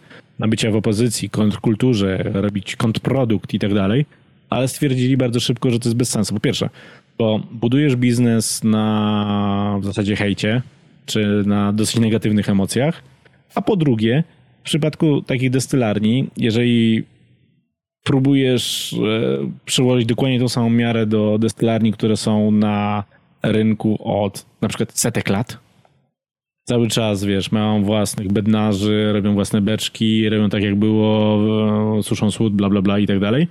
To trochę bez sensu i się raczej nie sprawdza. Więc e, poszli zupełnie w drugą stronę. Oni właśnie poszli w stronę eksperymentów z produktem, z procesem, robienia czegoś ciekawego. I to zupełnie inaczej wtedy się sprzedaje. Wtedy nie masz tego pytania, no dobra, no ale to mieliście robić coś ciekawego, a teraz robicie coś takiego, co, co, co się tylko sprzedaje. No bo jeżeli zaczynasz od tego, no jesteśmy kontrkulturą, no to kurde nią bądźcie. Gdzie tu jest kontrkultura w, z czymś, co smakuje jak sok, a nie jak piwo? No właśnie, więc może przestańmy mówić o ideologii i ją wyrzućmy do kosza. Powiedzmy sobie wprost, że rewolucja każda jedna zjada swoje dzieci. I po prostu jest to biznes i tak do tego podchodźmy, a te wszystkie ideologiczne bzdury wyrzućmy za drzwi, zamknijmy drzwi. Co ty na to, Michale? Jak najbardziej. Ja akurat uważam, że piwo to nie jest aby czy w ogóle nie wiem, czy jakikolwiek produkt spożywczy to jest coś, co można przykładać ideologię do tego. Ideologia masła. No, no, no właśnie, jaką możesz mieć ideologię masła? W nienawiści do margaryny zostałem wychowany. No, Wiesz, że ludzie spoza kraftu tak trochę na nas patrzą, na takich świrów, co się jarają masłem. Wiesz, o co chodzi? No, trochę tak, trochę tak, trochę tak może być. Dobrze, y, właśnie w tym momencie mm, oficjalnie z Michałem Kopikiem ideologię zamykamy za drzwiami i już nie będziemy więcej gadać o żadnej ideologii. Teraz pogadamy sobie o czym? O... No powiedz, powiedz o czym. O dobrych rzeczach. Bo szkalujemy ten krawcik, szkalujemy, a teraz trzy dobre nie, rzeczy, to, Michale. Ty, ty, nie chodzi w ogóle jakieś, o jakieś szkalowanie, bez przesady. No, to, to, jeżeli nie, już rozmawiamy... Proszę jakiś, mnie nie psuć koncepcji pytania. No. tak sobie ładnie zapisałem, że tu w kontrze do szkalowania teraz trzy pozytywne rzeczy. Wziął i zepsuł. No, no dobrze, powiedz, proszę. Trzy pozytywne rzeczy, tak? No, nie, no możesz nawet, nawet dokończyć poprzednią myśl. Co ci Dynamika jest, pierwsza rzecz, nie wiem, dynamika, jeżeli chodzi o polski, polskie rzemiosło, polski kraft jest bardzo fajna, dlatego że bardzo szybko przyswajamy wszystkie trendy, i te dobre, i te złe tak naprawdę, które pojawiają się na rynkach wiodących, czyli tak naprawdę mówimy tutaj o Stanach Zjednoczonych. I przykładem takim był chociażby, było Root IPA. To prawda jako styl nieudany, bo to nie nadaje się do piw, które mają więcej niż 10% ekstraktu, 10 plato, tak? Zdechło Bo... i bardzo dobrze. Z jednej strony tak, z drugiej strony myślę, że można było coś ciekawego z tego zrobić.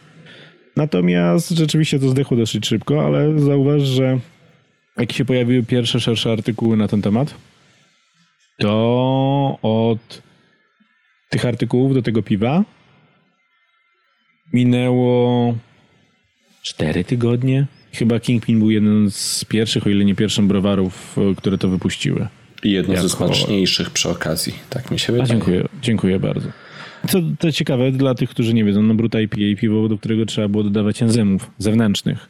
Czyli coś znowu, co, za, co, za co były szkalowane koncerny, że dodają enzymy, że tam szybciej szła fermentacja i tak dalej, i tak dalej. E, dodawało się enzymy po to, żeby drożdże odfermentowały to piwo do zera. Chodziło o to, żeby było jak najbardziej wytrawne, że praktycznie nie było żadnej słodowości poza jakąś tam leciutką, prawie że jak w tak bardzo delikatnym pilsie.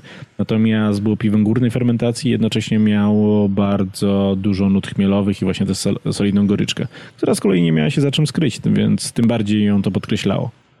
Żeby powiedzieć coś pozytywnego, o, o, bo dobrze się mówi o zmarłych, więc powiem, że było przynajmniej wytrawne. To na plus. Zdecydowanie. Ja- ci powiem, że to bardzo, bardzo, bardzo ciekawe mogło, mogło być, jeżeli by się nad tym popracowało, ale no, przeminęło jak kometa. Mm, druga rzecz. Jest to też mi się będzie z tą całą dynamiką, którą, którą tutaj mamy, bo jesteśmy bardzo żywotni. Zauważ, jak e, zaczęliśmy eksportować piwo na różne rynki, jak browary ważą, z, e, robią kooperacje z różnymi browarami z rynków zagranicznych, e, są na różnych zagranicznych festiwalach i tak dalej. I tak samo ściągamy te same browary do nas. Na różne, wiadomo, że w tym, w tym roku to jest zupełnie inaczej i to jest daleko od normalności, która była przez ostatnie lata. Natomiast e, te kontakty są cały czas robione, cały czas się, przynajmniej ci, którzy chcą, tak, się uczą od e, znanych zagranicznych piwowarów. Jeżeli jedziesz na jakiś festiwal zagraniczny i masz możliwość porozmawiania, ja na przykład się tak nauczyłem robić e, New Englandy, że Paul z Cloudwater, jak byliśmy w Barcelonie, poświęcił mi de facto dwie godziny na rozmowę. Pogadać, jak, jak oni to robią. No, po prostu sobie piliśmy piwo w e, garaż w pubie i gadaliśmy o tym, jak oni robią New Englandy. Potem jeszcze następnego dnia porozmawiałem z gośćmi, z którymi zresztą jestem cały czas tak naprawdę w kontakcie z, z Lalemanda, e, których ja drożdże osobiście uwielbiam i stosuję właśnie do, do New Englandów, ale zresztą nie tylko. No i tam dalej sobie porozmawiałem i się nauczyłem robić New Englandy. Mm, Jeżeli chcesz się uczyć i nie uważasz, że, że jesteś alfą i omegą, już wiesz wszystko, to masz mnóstwo możliwości, właśnie całą tą dynamikę, z której możesz skorzystać i nawiązać kontakty i się pouczyć. To jest, to jest super. No i myślę, że trzecia taka rzecz, ja to akurat jestem po studiach, no tak jak mówię, biolchem, tak? Więc yy, nie, nie tyle nie poszedłem na studia, co wykładam na Uniwersytecie Przyrodniczym we Wrocławiu na właśnie podyplomówce e, piwowarskiej o projektowaniu piwa, projektowaniu receptur, robieniu receptur piwa. Natomiast rzeczywiście powstały dwa kierunki podyplomowe piwowarskie, bo gdzieś tutaj mam książkę, tak, jest browarnictwo, jeszcze wydawnictw szkolnych, pedagogicznych chyba. To był podręcznik do technikum. I e, pierwotnie przecież no, tak naprawdę były technika piwowarskie. Jak to zostało polikwidowane, no to nie za bardzo było gdzie się uczyć fachu. I teraz nagle masz Akademię Rolniczą w Krakowie, Uniwersytet Przyrodniczy we Wrocławiu, gdzie masz kierunki piwowarskie jako podyplomówkę i osoby, które już pracowały przecież od lat w branży, miały browary kontraktowe, czy nawet browary swoje własne stacjonarne, e, poszły na te kierunki piwowarskie, że tam się czegoś nauczyć, e, cze- czego, czego nie wiedzieli. To jest absolutnie super, że raz, że masz e, taką możliwość, że masz właśnie takie studia dyplomowe, a mówimy o ludziach, wiesz, po 30, 40, mm, którzy stwierdzili, no dobra, no to jak robimy w tej branży, no to, to wypadałoby się jednak doszkolić, wypadałoby e, chyba trochę więcej wiedzieć na temat e, tego, co robimy. No i to było super. Znaczy, to jest super, tak? Jedzenie. Czy może istnieć bez piwa? Albo czy piwo może istnieć bez dobrego jedzenia? Piwo rzemieślnicze. A wiesz co, tutaj nawet będę mógł wrócić do ten. Nie wiem, czy potem chciałeś jeszcze zapytać o ten kolejny projekt browarniczy, Będzie. o który będzie jeszcze pytanie. Dobra, to ten, to bo mógłbym nawiązać tutaj akurat przy tym jedzeniu, ale dobra. Czy piwo pasuje? Do... Oczywiście, że pasuje. Dlaczego miałoby nie pasować? Piwo zawsze było związane z jedzeniem, no na litość boską. No dobrze, ale y, w, słowo food pairing dalej dla wielu osób jest jakimś trochę takim obcym tworem. Czy słusznie? Czy to się łączy? A może niekoniecznie? Ja słyszałem takie porównanie, że food pairing to nie, nie do końca się z tym zgadzam oczywiście, ale że food pairing to jest, że łączna sum, znaczy jeżeli na przykład 1 plus 1 nie da ci 2, tylko da ci 3, tak? Że łączna Synergia. Suma będzie, tak, że łączna suma będzie większa niż wynikająca tak naprawdę z rachunku matematycznego. E, nie wiem, czy to tak działa, natomiast chodzi o to, że znowu, jak wcześniej powiedziałem, że jeżeli nie byłbym piwowarem, to bym był kucharzem. Z prostej przyczyny, bo bardzo lubię się bawić smakami i aromatami. Masz e, dużo smaków aromatów w piwie i masz dużo smaków aromatów w jedzeniu. I dlaczego tego nie połączyć? Jeżeli dodatkowo od lat jest to promowane chociażby przy winach, jest bardzo dobrze widziane, jeżeli przy winach masz, wiesz, teraz oczywiście się odchodzi od tego, że na przykład nie podasz czerwonego wytrawnego do, do ryby. Teraz to właśnie przez wina z e, nowofalowe, z Nowego Świata, tak? Nowego Świata się to zmienia i czemu nie? Okazuje się, że są gatunki, które można na przykład schłodzić i podać e, do czerwonego wina, do, do, do ryby, bo czemu nie? I tak samo jest z piwem. Wcześniej to przez długie lata u nas e, cokolwiek związanego z piwem było no to napijemy się jasnego lagera do, do kaszanki albo karkówki z grilla. Jest to jakiś food pairing, jak najbardziej jest, dlaczego by nie. Natomiast e, było to w ciekawszych lokalach, w ciekawszych restauracjach, to wiesz, bo na zasadzie masz Paulanera gdzieś tam z tyłu zakurzonego butelkę, może porter, nie wiem, żywiecki się gdzieś trafi, no i oczywiście ta, to, co akurat jest na ekranie, bo współpracujemy z daną korporacją, tak? I to, to był cały food pairing. Znacznie to się zaczęło się zmieniać. E, Guinness zawsze tam szedł w tą stronę, bo chociażby na stronie internetowej mają nie tylko sam food pairing, ale mają też miksologię, mają kuchnię, mm, jak robić różne potrawy z Guinnessem. Coraz więcej piw takich szeroko dostępnych szło też w tą stronę. Chociażby Greenbergen, tak? Greenbergen net się pojawia na tych eventach Goemio, mm, gdzie jest polewany, też idzie mocno w food pairing i idzie mocno w tą stronę. Mm, sporo różnych piw takich szeroko dostępnych już w różnych konfiguracjach, czy to wiesz, jakieś tam stójki na, na stół, różne pop-upy, nie wiem, menu robione pod e, konkretne piwo. Zresztą teraz nawet chociażby te książęce chyba ma tą serię na, na, na Facebooku, co robią z kucharzem jakimś.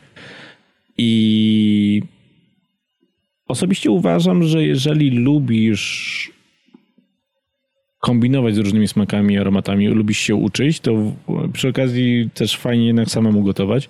Ten food pairing jest bardzo ciekawym przeżyciem, dlatego że możesz potrawy albo podbijać tym e, piwem, albo wręcz przeciwnie, możesz je gasić, tak samo potrawy właśnie. I jedna z najlepszych książek, jaka w ogóle na ten temat powstała, jest Gareta Oliviera z e, Brooklyn Brewery, mm, The Brewmaster's Table. To jest fantastyczna książka, to jest w ogóle fa fantastyczna lektura z prostej przyczyny, to się czyta jak dobrą powieść. Widać, że Gareth fascynuje się zarówno jednym i drugim. E, w dodatku no, na jednym i drugim bardzo dobrze się zna. I w tym momencie, jak poczytasz o jego podróżach, jak pojeździł właśnie po świecie, różne nowe gatunki piwa poznał, europejskie, nieeuropejskie i tak dalej, i lokalną kuchnię, to oprócz tego, że w danym momencie dokładnie chcesz tego samego spróbować, tak zaczyna się zastanawiać. Ja robiłem już takie food pairingi na jakieś takie naprawdę masakryczne. Masakryczne pod względem e, zaangażowania, bo food pairing na 12 piw i 20, 24 potrawy, to już tam siedzieliśmy tak ponad 3 godziny. Oczywiście to były takie nie, że wiesz, pełne danie, e, tylko tak to jak zazwyczaj jest jakiś, jak masz e, mini degustacyjne. No ale jednak 24, 12 piw, dało się zrobić. To zresztą było trochę e, dziełem przypadku, dlatego że ja zawsze jak wypisuję, bo współpracuję z szefami kuchni przy różnych eventach, właśnie z firmami, e, to dałem albo albo. I to nie zostało zrozumiane jako albo albo. Więc zamiast 12 piw, 12 potraw było po dwa warianty dla każdego. Czemu by nie? No dobrze, to jest dalej mimo wszystko ciekawostka. A czy to stanie się jakąś taką rzeczą, no bo widzisz, mamy taką ikonę, mamy golonkę i piwo, tak? To jest taka, takie połączenie, które my mamy w głowie. Albo golonka z piwem i z chrzanem i to, wiesz, no, a natomiast nie mamy żadnego innego połączenia w głowie. Może gdzieś tam jakieś mocne, słodkie piwa i desery, nie? Czy Nie. sądzisz, że to się ludziom bardziej połączy w głowie jakoś piwo z jedzeniem? Nie, my, myśl, myślę, że nie doceniasz ludzi w tym momencie. Tak? Zobacz, no, przede wszystkim jednak e, To wyprowadź mnie z że, błędu, poproszę. Sądzę, że nasi słuchacze, którzy daj Boże dotrwali do tego momentu, doskonale zdają sobie sprawę z tego, że jest coś takiego jak food pairing. I doskonale wiedzą, że mogą bawić się piwami i mogą kombinować z różnymi kuchniami. Co więcej, Czy ich to interesuje? To już jest, y, wiesz, kwestia tego, jeżeli, jeżeli y, słuchałem naszego gadania już przez te 50 minut, czy ile tam jest, Oni no to myślę, ważą że teraz. Wiesz, oni To myślę, ważą. to, myślę, to myślę, że interesuje, no wiesz, ale to mogliby sobie muzykę puścić, a nie, a nie naszej paplaniny. Natomiast zobacz, masz coraz więcej, przynajmniej znowu mówię to z perspektywy dużego miasta, ale w mniejszych też e, coraz więcej coś takiego jest, takich rzeczy się pojawia. Mamy coraz więcej różnych konceptów kulinarnych, tak? Różnych knajp, które się pojawiają. I zazwyczaj te knajpy też szukają, chociażby przez hurtownię, która na dany rejon działa i zazwyczaj ma jakieś krafty, szukają czegoś ciekawszego. Chociażby teraz oczywiście po covid to się zamknęło, no ale przecież Edred w Warszawie współpracował z e, Trzech Kumpli, tak? Tak. Bardzo, bardzo, bardzo, znane, bardzo znana knajpa, bardzo znana restauracja. Mm, Nocny market ma z kolei chyba tam wyłączność inne beczki. Mhm. I coraz więcej jest ludzi, którzy spo, jeż- nawet jeżeli nie interesują się kraftami samymi z siebie, to jest duża szansa, że zetkną się z nimi właśnie w różnego rodzaju restauracjach, knajpkach i tak dalej. I w związku z tym, jeżeli masz, już nie mówię o, wiesz, porządnych restauracjach, gdzie coraz częściej też jednak przykłada się na to całkiem spory nacisk, tym bardziej, że jest to nobilitujące zarówno dla samego miejsca, jak i dla, znaczy dla każdej ze stron, tak?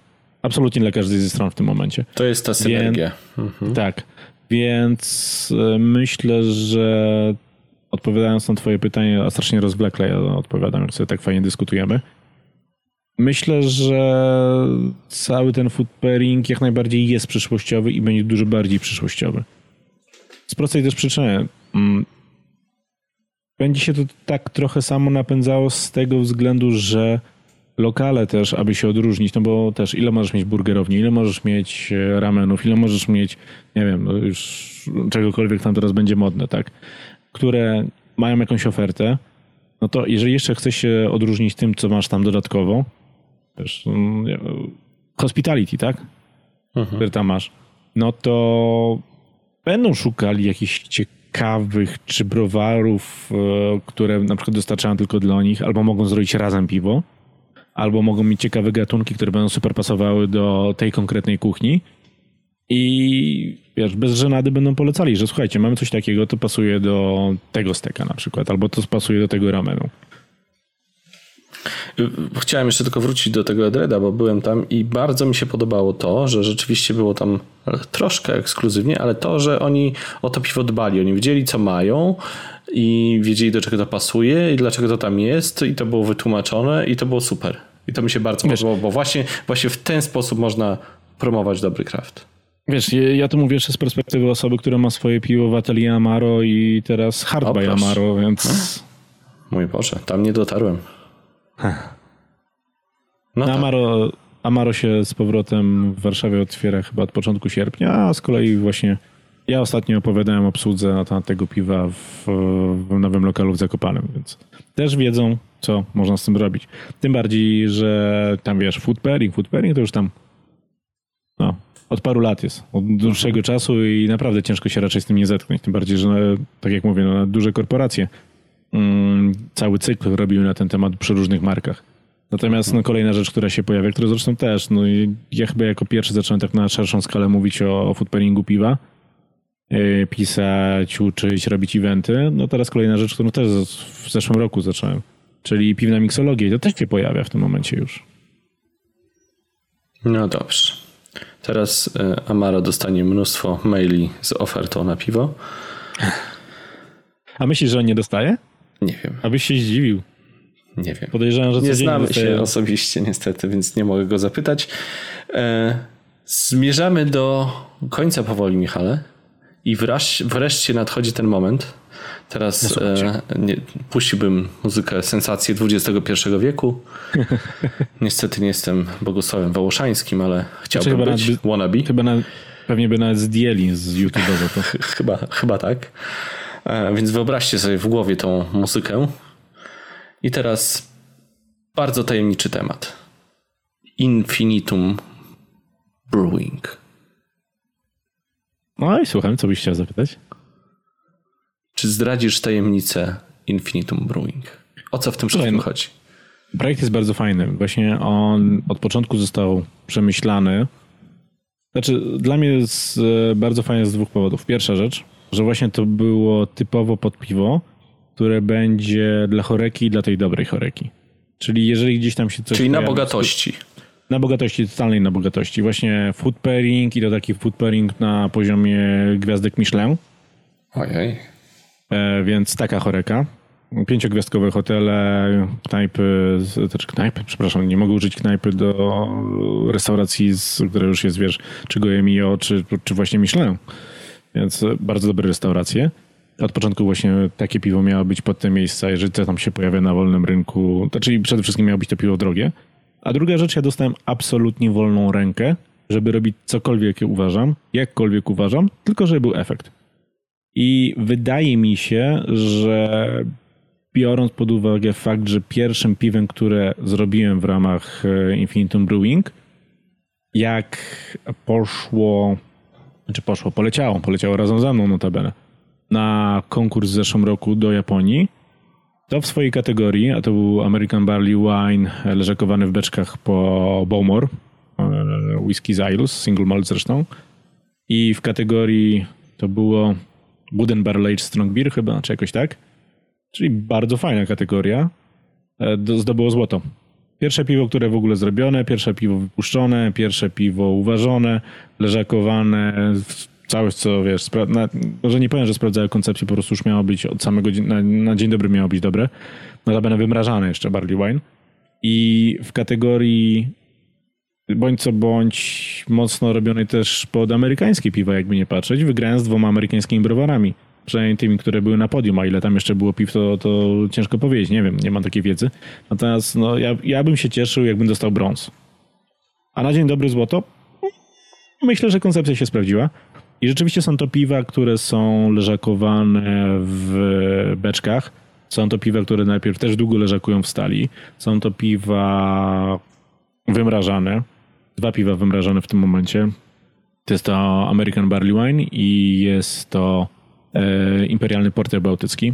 Oba. Bo są dwa piwa, rozumiem, tak? Bo w, ogóle... Nie, nie, nie, więcej. piw jest, piw jest Dobrze, więcej. opowiadaj, U- opowiadaj. U, u, u Amaru chyba w tym momencie trzy albo cztery. No więc właśnie są te dwa. Notabene im- ten imperialny wymrażony porter bałtycki trafił do tych beczek, w których najpierw e, był American Barley Wine, też mi zależało na tym. E, Nie, nie wiem na ile, o ilu piwach mogę tak naprawdę powiedzieć, ale te, które są u Amaro, to na pewno mogę. Jest e, Oatbrun. Bardzo fajny Oatbrun. I powiem szczerze, że tak jak mówiłem przy Equitas, że tam to było piwo, które uważam, że najfajniejsze było w ramach Mermaidu, tak osobiście uważam, że ten Oat Brun to chyba jest najbardziej skomplikowane piwo, jakie w życiu zrobiłem, w życiu uważyłem, przefermentowałem. Bo może nie tymi własnymi ręcami ja je fermentowałem, tak, ale to jednak trzeba było pomyśleć, jak to zrobić. Ono jest e, jako jedyne, które ma mniej niż 25 plato i nie jest wymrażane bo to jest czternastka, tak jak miało być. Najpierw ono było odfermentowane no, odpowiednim szczepem drożdży, który miał być czysty, tam nie za bardzo to sobie po, podziałać, wiesz, w stronę, którą bym nie chciał. No i potem trafiło do beczek po Porto razem z Lacto i Bretami. O, e, la, przez lakto rozumiem oczywiście lactobacillus. A nie laktozę. A, a nie, nie laktozę, To- ani, to warto wyjaśniać ani, to. ani, ani, ani kwas mleczny. I ono sobie tam zaczęło swoje drugie życie, tak? E, I to jestem tak dumny z tego piwa. Tak, tak naprawdę fajnie, fajnie poszła ta, ta druga, no może nie spontaniczna, tak, ale dzika fermentacja. Jest dokładnie to, co możesz oczekiwać po. Jeszcze ma tak piękną, klarowną, rubinową barwę, że to już w ogóle jest... Ja bym po prostu sobie siedział na leżaczku, na balkonie, w pełnym słoneczku i siorbał tylko to piwo. To jest absolutnie fantastyczne. Dobrze, e, no robiłeś mi tak smaka i e, wszystkim e, słuchaczom, że pytanie musi paść. Gdzie to można wypić? Oprócz Amara. Czy, czy wiesz co, no... E, American Barley Wine ma... E, Raj Piwosza w Warszawie. No i jeszcze z tego, co pamiętam, nie wiem, czy w tym momencie jest, ale było na pewno w świecie... Y, tak, no świat piwa. E, smak piwa, przepraszam. Smak piwa. I mają Ora... też Bruin tam, czy nie? Bo jestem I bardzo ciekawy. I jeszcze Craft Club miał. Nie, mhm. mieli tylko American Barley Wine. Mhm. E, Outbrun szło tylko do Choreki, tak samo Porter na razie. I dodatkowo jeszcze jest na zbiorniku, i to też jest fajna sprawa, bo to nie będzie, to raczej nie będzie wyobrażone. E, są dwa jeszcze piwa. E, na zbiorniku jest e, Belgian Golden Strong Ale. Powinienem usłyszeć takie, ale jak to Belgian Golden Strong Ale? Ale jak to? No właśnie, taki gatunek. Nie, fajne piwo. Też fermentacja hybrydowa, ale po prostu dwoma różnymi szczepami drożdży belgijskich. Dwujastka piątka jaśniutkie, piękne, no naprawdę no to, co tam te fenole i estry, które pod, potworzyły drożdże, no cudo, ale żeby nie było e, za, za, za prosto, to część trafiła, mała część, bo udało, po bodajże dwóch latach szukania, a my z chłopakami tam już od dłuższego czasu i wstępne projekty były, potem ważenia, tak naprawdę od, od uważania piwa do jego wypuszczenia tam minęło półtora roku. Więc wiesz, to, to nie są piwa, które sobie leżakują w bezce pół roku i szluz, nara. E, tydzień fermentacji, dwa tygodnie na leżaku i do beczki, sześć, sześć miesięcy, dziękuję, do widzenia. Nie, one tam rzeczywiście leżakują sporo i zarówno wirówka w stali, jeszcze. jak i... To ta, wirówka jeszcze. E, I zarówno w stali, jak i w właśnie w drewnie. I część tego Belgian Golden Strong Ale trafiła do beczki po Tokaju Ashu. Szaleństwo. Szaleństwo, bo rzeczywiście chyba dwa lata zajęło nam zdobycie jednej beczki po Tokaju. Dodatkowo wszystkie te beczki są pomyślane tak, że one mają komplementować to, co w piwie już się znalazło. Te wszystkie smaki, te wszystkie aromaty, sam, sam gatunek, tak? Fermentację. Więc to nie jest taka, zrobimy sobie taką beczkę, bo mamy taki klaprys. Nie, to właśnie chodziło o to, żeby to miało ręce i nogi. Ja, ja jestem w ogóle e, głównym zwolennikiem w kraju, jeżeli chodzi o balans w piwie, tak? Karpiński się zawsze z tego śmieje że piwo, piwo nie ma być e, zbalansowane, tylko ma być ekstremalne. Nie, dla mnie ma mieć ręce i nogi, ma być okrągłe, ma mieć, ma mieć balans. I ma być opowieścią, ma mieć początek, rozwinięcie i zakończenie. Kurde. Tak. I jest, jest, jest jeszcze jedno piwo i ono z kolei trafiło też częściowo do beczki po rumie z Barbadosu. Ale na ten temat to jeszcze będzie więcej informacji później. Na razie sobie popatrzymy, jak to będzie wychodziło. Dobrze, czyli trzeba trafiać do dobrych restauracji, żeby je wypić, żeby popróbować tych piw, żeby trafić na infinitum. Dobrze mówię? Oprócz tych tak, wyjątków. Tak, tak, tak, tak. Aczkolwiek warto też będzie warto będzie sobie śledzić tam doniesienia, internet i inne takie rzeczy, bo na pewno sporo fajnych informacji wypuścimy. I wtedy na pewno myślę, że w świadku piwnym też będzie dosyć głośno, głośno o właśnie Infinitum. Zresztą to było najpiękniejsze, że było mega zaskoczenie wtedy, tak? To, że ja tam jeżdżę na różne sędziowania, to wiadomo, ale nagle się okazuje, ale jak to browar z Polski w Japonii zdobył złoto, jako tam pierwszy raz w ogóle, bo wcześniej jakieś brązy były. Oczywiście, to nie jest, że tam mówię jakieś brązy, no bo że to jest zdobycie brązu Mm, tam, to jest mega zaszczyt, tak? To sędziowie naprawdę wiedzą, co robią i nie rozdają sobie za, e, tych medali, tych nagród od tak, że od czapy, a za, za udział. Jak na niektórych konkursach europejskich, a tam wysłanie pójdą medale. No nie, nie, nie, tam rzeczywiście trzeba zasłużyć. Widawa na przykład dostawała te medale za, za portery swoje. Bo mm, mieli zacne. Wielki... To trzeba przyznać. Tak, tak, tak, oczywiście. Y, no problemem jest e, ten, rok, bo oczywiście miałem piwa przygotowane na konkurs w Korei, który po raz pierwszy się odbywał w Seulu. No, nie, po COVID. Wysłaliśmy, zresztą nie tylko my, myślę, że kilka browarów wysłało piwa na, na World Beer Cup, który miał być San Antonio w Teksasie. Miałem też tam lecieć sędziować. Trochę, no to, to, to oczywiście trzeba było dużo czasu poświęcić na samo spakowanie tego. Na, na jednej butelce musiały się znaleźć chyba ze trzy różne naklejki ostrzegawcze, e, które Amerykanie przysłali wzory, że trzeba sobie wydrukować. No, od cholery pieniędzy tak naprawdę kosztowało samo przygotowanie i wysłanie tego. Coś się potem okazało. No, szkoda, że konkurs się nie odbył, tak? Serce by mnie nie bolało, gdybym się dowiedział, że oni to po prostu wypili. Super, na zdrowie, cieszcie się, bo tam naprawdę są wysyłane takie piwa z całego świata, zwłaszcza ze Stanów, że to wiesz, głowa mała, tak? No fantastyczne rzeczy. Co oni zrobili z tymi piwami? Zgadnij. Wyrzucili do śmietnika. Nie, nie, nie, nie. No, szalej drugi strzał. Oddali ubogim. No to by było jeszcze to jakoś tam powiedzmy, to by, to by było dobre nawet. Nie, stary, oni to wszystko przerobili na płyn do dezynfekcji do rąk. Żart. Nie, to, to, tego to bym nie wymyślił. To nawet, nawet, nawet, w oficjalnym komunikacie tam poszło, że no, te wszystkie piwa, które tam zostały dostarczone, to, to przy, w ramach walki z COVID żeśmy przerobili na płyn do dezynfekcji. Mogli dać tym pielęgniarkom, nie wiem, lekarzom. Jakby sobie wypili. No, Prawda, nie? To smutne rzeczywiście. To, to, to, strasznie smutne, jak wiesz, tam wysyłasz naprawdę fajne piwa, starasz się i zostały przerobione na płyn do dezynfekcji. No Boże drogi. Miejmy nadzieję, że w przyszłości więcej piw już nie będzie przerabianych na środek do dezynfekcji. Michale, powoli musimy kończyć, bo cierpliwość naszych słuchaczy jednak ma pewne granice i musimy no tak, schodzić... Jeszcze, jeszcze, jeszcze, jeszcze wiadomości, a potem te laboratorium, nie? Tak, tak. Musimy schodzić poniżej 3 godzin jednak.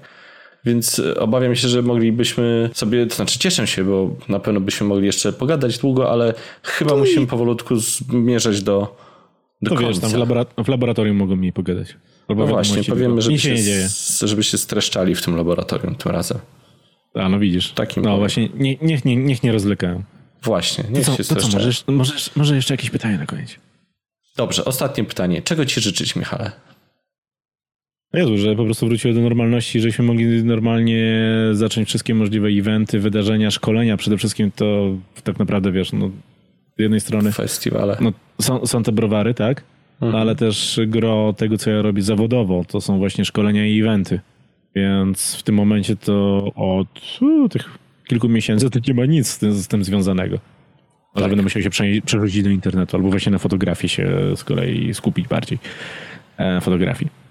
E, natomiast to myślę, że to jest takie życzenie dla nas wszystkich i w, tak naprawdę we wszystkich browarach, we wszystkich knajpach, żeby no już ta sytuacja wróciła takiej, jaka chociażby była rok temu. To by było najlepsze. Miejmy nadzieję, że to życzenie stanie się faktem. Ja na koniec jeszcze Ci pogratuluję tego zwycięstwa w Japonii, bo nie miałem sumienia Ci przerywać, także gratuluję Ci A dziękuję teraz. bardzo. I dziękuję Ci bardzo za rozmowę. Ale dziękuję bardzo, że e, słuchaliście tych moich wynurzeń przez ostatnią godzinę i chyba 10 minut. To dzięki jeszcze raz. dzięki. Wywiad dobiegł końca, a w laboratorium słychać okrzyki po staronorwesku. To pewnie kwejki. Kwejk Janek i kwejk Olek. Przejdźmy zatem do laboratorium.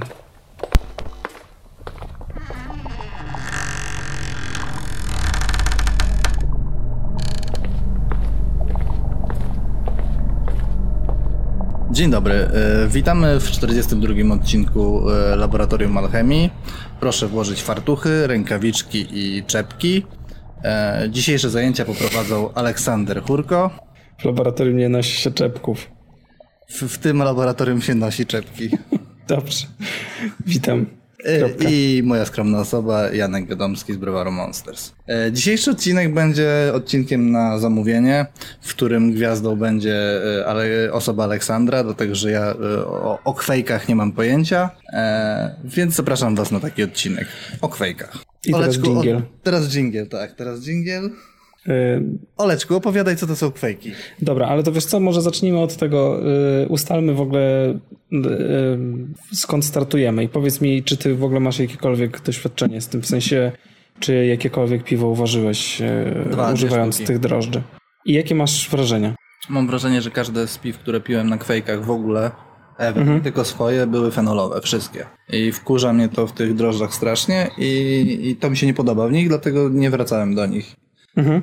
Takie ja mam ogólne wrażenie. Dobra, to za chwilę sobie wyjaśnimy y, pewną rzecz związaną z tymi drożdżami. Bo to fajnie, że wspomniałeś o fenolach, ale to do tego dojdziemy jeszcze. No więc y, kwejki to jest temat, który ja chciałem e, już od jakiegoś czasu pociągnąć, bo mm, zacząłem grzebać w tym, bo wcześniej się bałem trochę tych drożdży i też tak jak Janek uważałem, że, że one nie są ciekawe.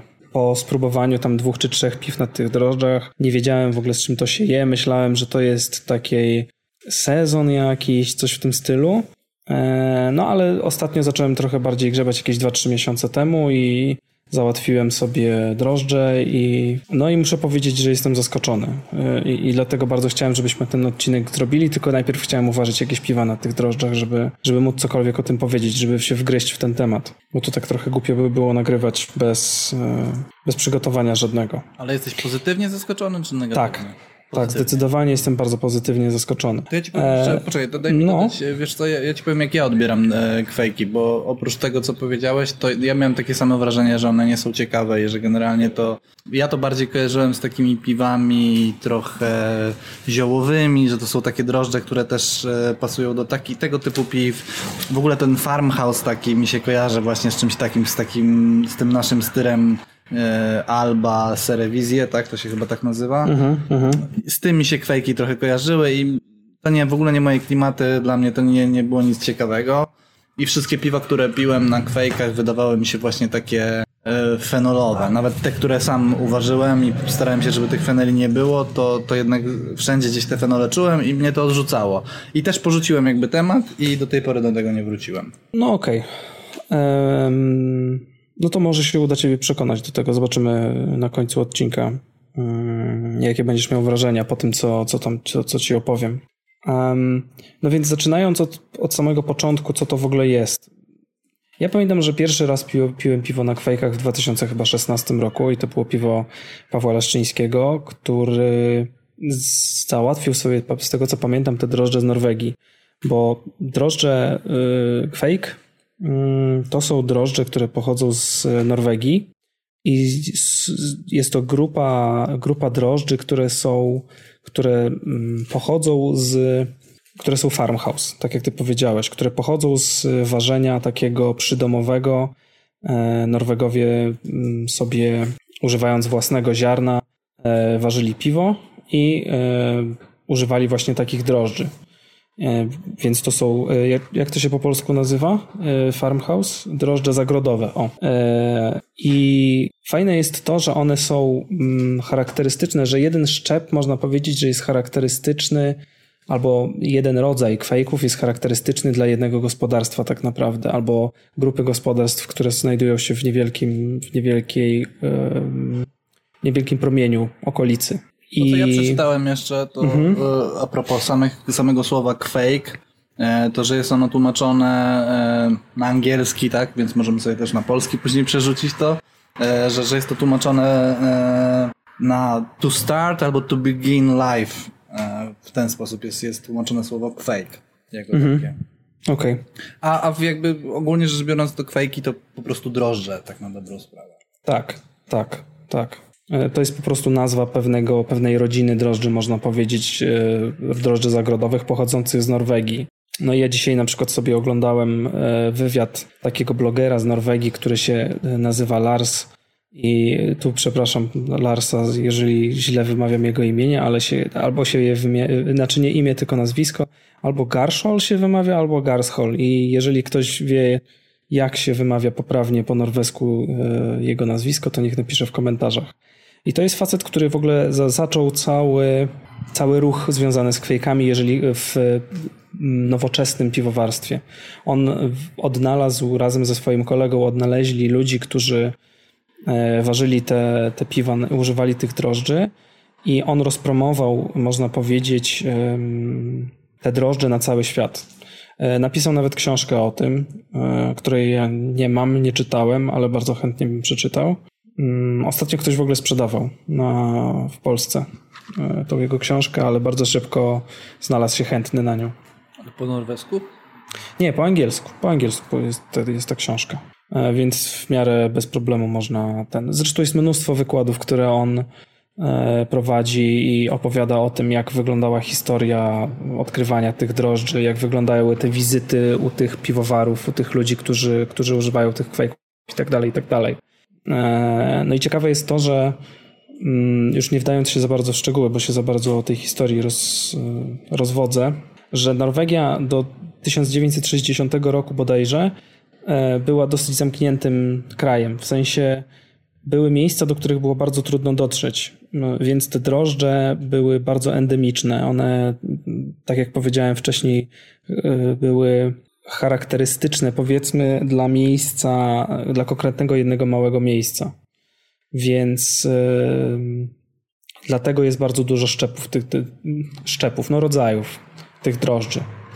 Yy, pochodzących z, z tej Norwegii i potem sobie powiemy o kilku z nich. To, o czym jeszcze nie powiedziałeś, to i co, jest, co mi się podoba jakby w całej historii o toczce wokół Quake'ów, to to, że one były jakby przekazywane z pokolenia na pokolenie, tak. z sąsiada na sąsiada, jak, jak twój jakby, twoja kultura, którą sobie tam wysuszyłeś i używałeś, nagle skwaśniała, to szło się do sąsiada, który generalnie miał te same Quake'i i użyczał ci ich i jakby dalej się z nich korzystało, więc to mi się takie podoba, że była taka regionalizacja i rzeczywiście przekazywanie tych drożdży jako takie no w pewnym sensie dobro, tak? Bo z tego co się orientuję, to też się zakwas na, na chleb tym fermentowało i generalnie użytkowało się te drożdże ogólnie jako drożdże y, potrzebne w, do, w domu, w gospodarstwie. Mm, tak, tak, tak. I w ogóle dzisiaj miałem takie fajne przemyślenie, że historia tych drożdży bardzo fajnie pokazuje to, jak ewolucja działa. E, w sensie to, jak one się dostosowały przez e, te setki albo tysiące lat do panujących warunków i, i, dla, i, i co dzięki temu stanowi o ich, o tym, że one się wyróżniają spośród innych drożdży.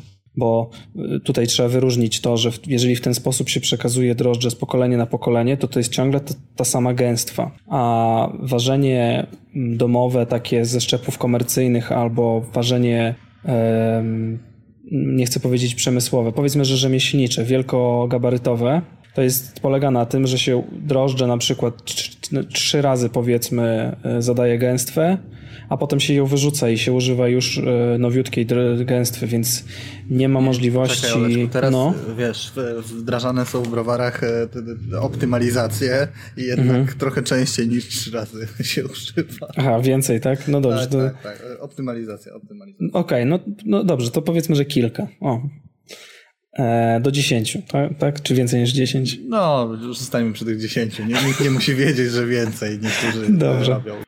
E, znaczy, chodzi mi o to po prostu, że jeżeli się. No ale 10, nawet jeżeli to jest 20 razy, to to jest zawsze mniej niż 1000, nie? Czy tam. Nie, no, no jasne, powiedzmy, jasne, że jasne. 200, nie? I chodzi o to, że wtedy jest mniejsza szansa na to, że te drożdże będą mutować w jakiś sposób, albo że jakieś mikroorganizmy, które się zawsze dostają do takiej gęstwy, e, będą się rozwijać. I, I, teraz dzięki temu, że one były przekazywane z pokolenia na pokolenie te kwejki, to ta gęstwa bardzo w przestrzeni czasu się musiała zmieniać mikrobiologicznie i to jest też bardzo interesujące, e, jak e, te zmiany środowiska wpływ, wpływ, wpłynęły na to, jak te drożdże teraz sobie radzą i jak one się zachowują. I teraz płynnie możemy przejść właśnie do tego, dlaczego te drożdże są warte mm, odrębnego odcinka. Dobrze, Dlatego są takie pytanie. interesujące. To ja Śmiało. pytanie. E, e, jakimi drożdżami są kwejki? Czy to są zwykłe sacharamocesy, tak na dobrą sprawę, jeżeli wziąć tak. jakąś rodzinę? Tak. Lars na tym, w tym wykładzie, który ja dzisiaj oglądałem, mówił o tym, że mm, pewien instytut, że ukazał się artykuł e, w 2016 roku, w którym podzielono szczepy drożdży wszystkich, znaczy bardzo dużą ilość szczepów drożdży podzielono na pewne grupy. I teraz e, na przykład drożdże piwowarskie podzielono na dwie grupy. Na drożdże piwowarskie 1 i drożdże piwowarskie 2. I drożdże piwowarskie 2 to na przykład są drożdże sezonowe i im jest bliżej genotypem e, do, do drożdży winnych. A z kolei e, drożdże mm, te 1 e, im jest bliżej do drożdży dzikich. Nie, nie dzikich, tylko po prostu no, to są drożdże piwne, tak? I spośród, i z tej grupy 1 e, wyróżniamy, można wyróżnić drożdże angielskie, e, amerykańskie, niemieckie i ten, i właśnie kwejki. I belgijskie. Belgijskie drożdże też w większości tak. należą do tej grupy. A to, co jest jeszcze ciekawe w grupie drugiej, jak już jesteśmy przy tym, to, że tam są wszystkie wszystkie mm, szczepy, które e, przeszły test na STA1 e, pozytywnie. Tak, tak, tak czyli te, które mm, są. E, czyli do New Englandów też niektóre drożdże pewnie tam by się znalazły, tak? Tak, czy, tak. Czy tak, teraz tak. się mylę? To się chyba mówi, że one są aktywne diastatycznie, tak? Popraw tak, jeżeli dobrze Tak, mówię. tak, tak. Właśnie szukałem tego słowa, zapomniałem. No więc im najbliżej jest do drożdży piwnych. I istnieje prawdopodobieństwo, że, to, że one są bardzo silnie skorelowane z drożdżami e, angielskimi albo amerykańskimi, czy też e, niemieckimi. W sensie wajcanowymi, nie? Mm Jeszcze, jeszcze to, mm. co ja wyczytałem jeszcze a propos e, te, co, co to są za, właściwie za drożdże, to to, że często w, tych, w tej jednej jakby grupie, czy tam jednym sąsiedztwie nazwijmy to, jest często w, w tych fejkach danych jest kilka szczepów e, drożdży, tak? Tak, tak, tak. tak. I czasami nawet są niektóre, szczep, są niektóre rodzaje kwejków, które mają bakterie nawet. Ale bardzo często są to, jeżeli to są rodzaje kwejków, które pochodzą bezpośrednio z miejsca ich e, bytowania, czyli z jakiegoś regionu Norwegii, to składają się bardzo często z wielu szczepów, z kilku szczepów drożdży. Z kolei e, te komercyjne, dostępne komercyjnie drożdże, to często są izolaty z tych, e, z tych kultur. Czyli wyizolowana jest jedna, mm, jeden szczep tylko. I dla zawsze to trzeba brać pod uwagę kupując drożdże. No dobra, to lecimy dalej, bo wszedłem ci w słowo, a już zaczynamy. Nie, ja myślałem, że cię w ogóle życie rozłączyło, dlatego przestałem mówić. Eee, no więc chciałem, chciałem powiedzieć o tym, że, że już przejść do punktu numer dwa płynnie i, i powiedzieć o tym, dlaczego są wyjątkowe te drożdże. Dlaczego mimo, że to są Saccharomyces cerevisiae, to są wyjątkowe i, i, i dlaczego. No więc przede wszystkim e, pierwsza wyjątkowa rzecz, która mnie zaskoczyła, jak się pierwszy raz dowiedziałem o tych drożdżach, to jest temperatura fermentacji. Optymalna tym, albo temperatura, w której Norwegowie fermentują piwa na tych drożdżach.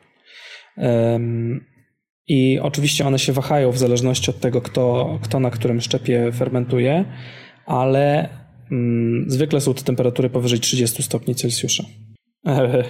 Co wprawia w szok oczywiście zawsze kogoś, kto, kto jest przyzwyczajony do drożdży ale'owych, które... Szczególnie piwowarów domowych. Tak, tak. No powiedzmy, powiedzmy że maksymalnie 22 stopnie. tak. No, ja dzisiaj przepraszam. No, czasem muszę wrzucić jakiś śmieszny wiesz, żeby się coś działo. Tak. No więc, no więc ta temperatura fermentacji to, było, to jest naprawdę ogromne zaskoczenie i, i, i to, że te drożdże w ogóle podnoszą temperaturę y, w trakcie fermentacji dosyć tak żwawo. Ja opowiem o swoich doświadczeniach za chwilę. Y, to też ciekawe było mm, zobaczyć to w akcji. No i oczywiście dzięki temu, że one fermentują szybko, to y, wróć ciepło, to fermentują też szybko. I są znane przypadki piw, które from grain to glass, czyli od ziarna do szklanki, lądowały w trzy dni albo w cztery. Z butelkowaniem wiem, że Paweł Leszczyński to piwo, które, którego ja próbowałem jako pierwszego w życiu na kwejkach, zrobił w tydzień. Ono, ja go próbowałem tydzień po uważeniu, ono było już nagazowane w butelce. Tak, ja też je miałem spróbować, ale nie dojechało do mnie, bo wybuchło. Okej. Okay. Ale to było gorące lato wtedy chyba, nie? nie, to kwestia tego szybkiego, szyb, szybkiej fermentacji. Możliwe. No w każdym razie one naprawdę ekstremalnie szybko fermentują. To widać też jak się, jak się obchodzi z tymi, jak, jak się je ma w ręku i jak się je zadaje i tak dalej. E, poza tym mają bardzo wysoką tolerancję na alkohol od 13 do 16%, e, więc jak widać są raczej przeznaczone, znaczy są raczej przeznaczone. To zaraz do tego dojdziemy.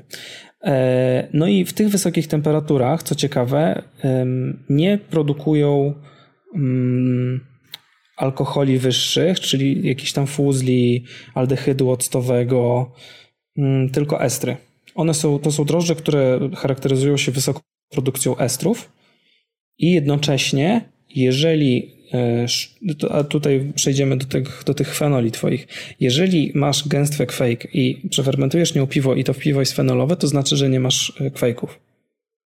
Aha. Bo e, cechą charakterystyczną kwejków jest to, że nie produkują fenoli. Coś, co produkuje fenole, nie może być kwejkami. Ciekawe, to, to, ale to spoko, jakby rozumiem, że tak jest, natomiast e, autentycznie wszystkie piwa, które pijemy mhm. w nie tylko te swoje, tylko e, komercyjne piwa albo takie piwa, które mi ktoś dawał w domu, wszystkie były naprawdę mocno fenolowe.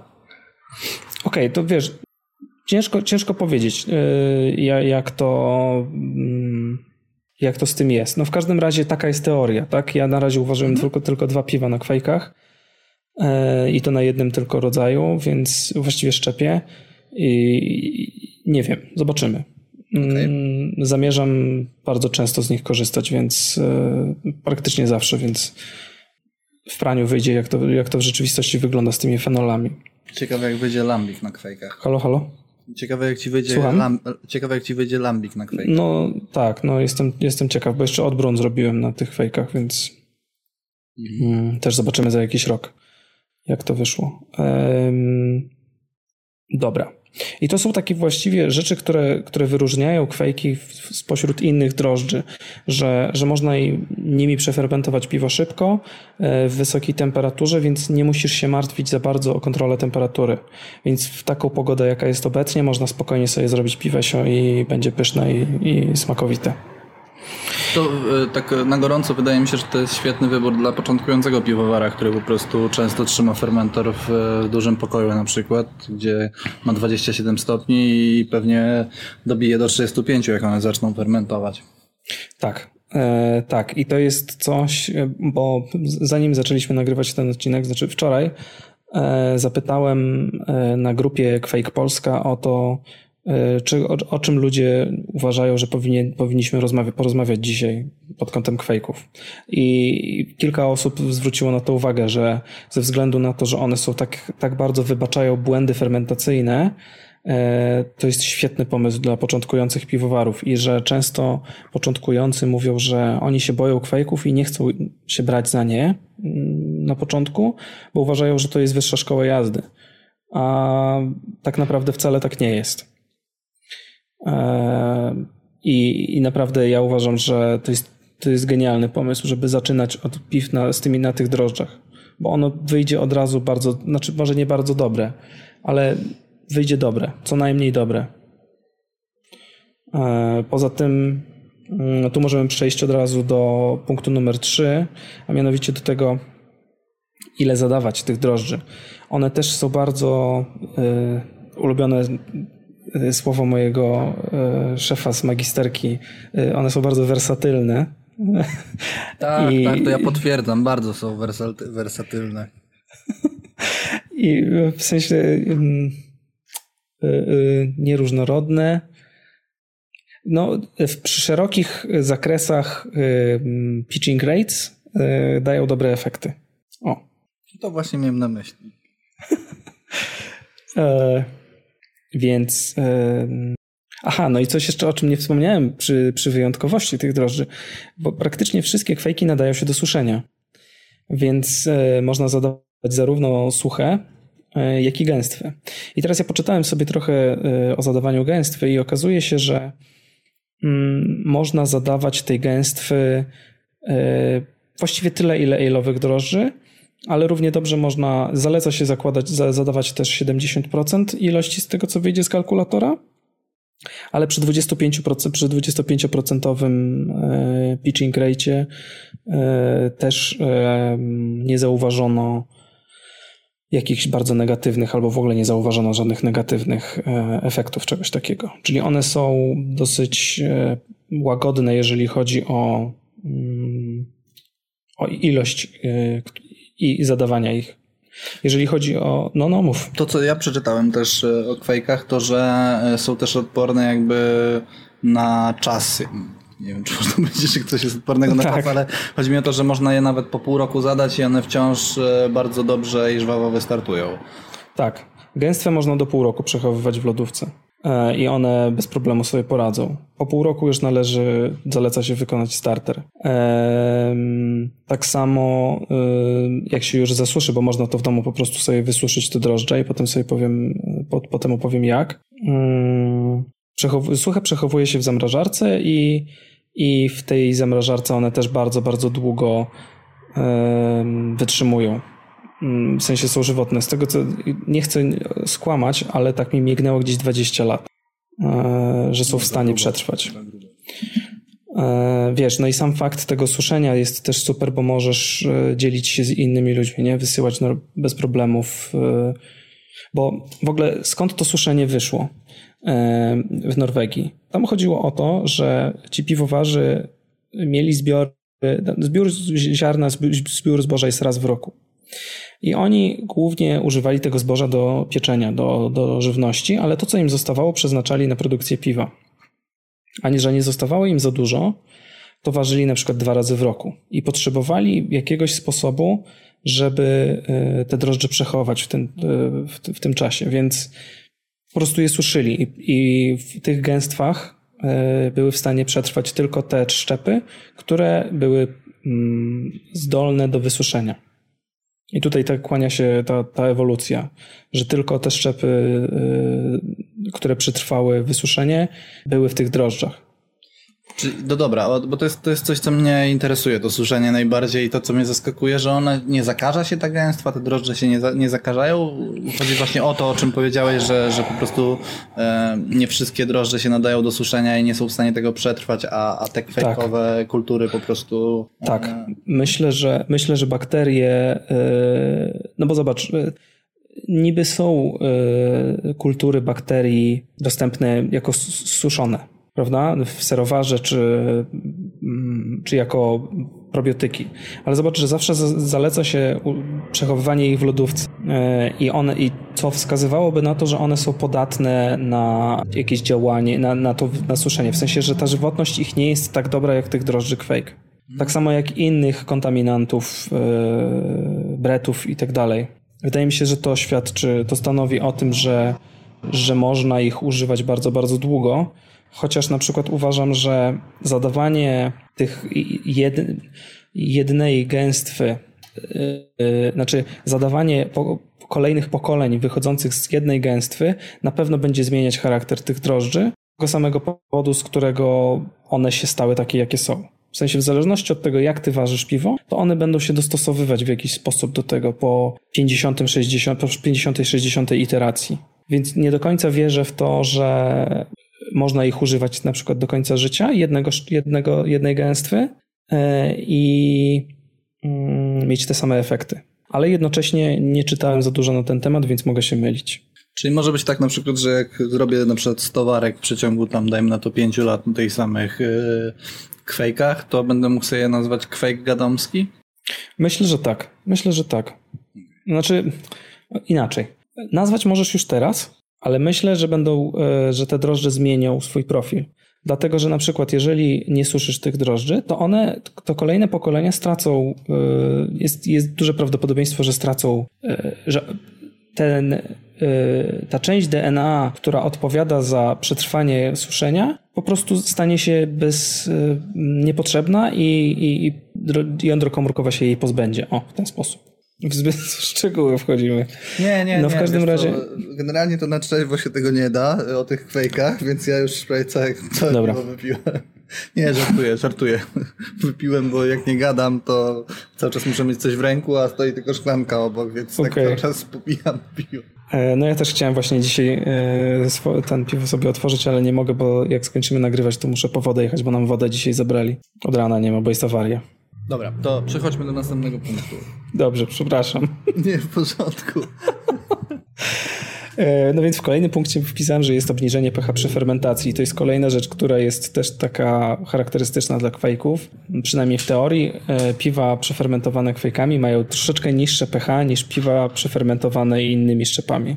Czyli można się spodziewać tego, że one będą troszeczkę po tej kwaśniejszej stronie, a, a, tak, a, a właściwie, że będą trochę bardziej wydawały się wodniste i cieńsze. Trochę jak to, że... tak? Tak, tak, tak. E, więc tam, e, tak jak normalne piwo 4,5 kończy, to tutaj będzie mniej więcej 4,2. Czyli coś co, coś, co normalnie, jeżeli, jeżeli gęstwa używana kilkukrotnie normalnych drożdży e, zaczyna obniżać pH, to wtedy to jest sygnał, żeby przestać używać tych drożdży. W przypadku kwejków się nie należy tym przejmować. Tak, od razu pierwsze piwo będzie, będzie prawdopodobnie miało niższy pH niż zwykle. Okej.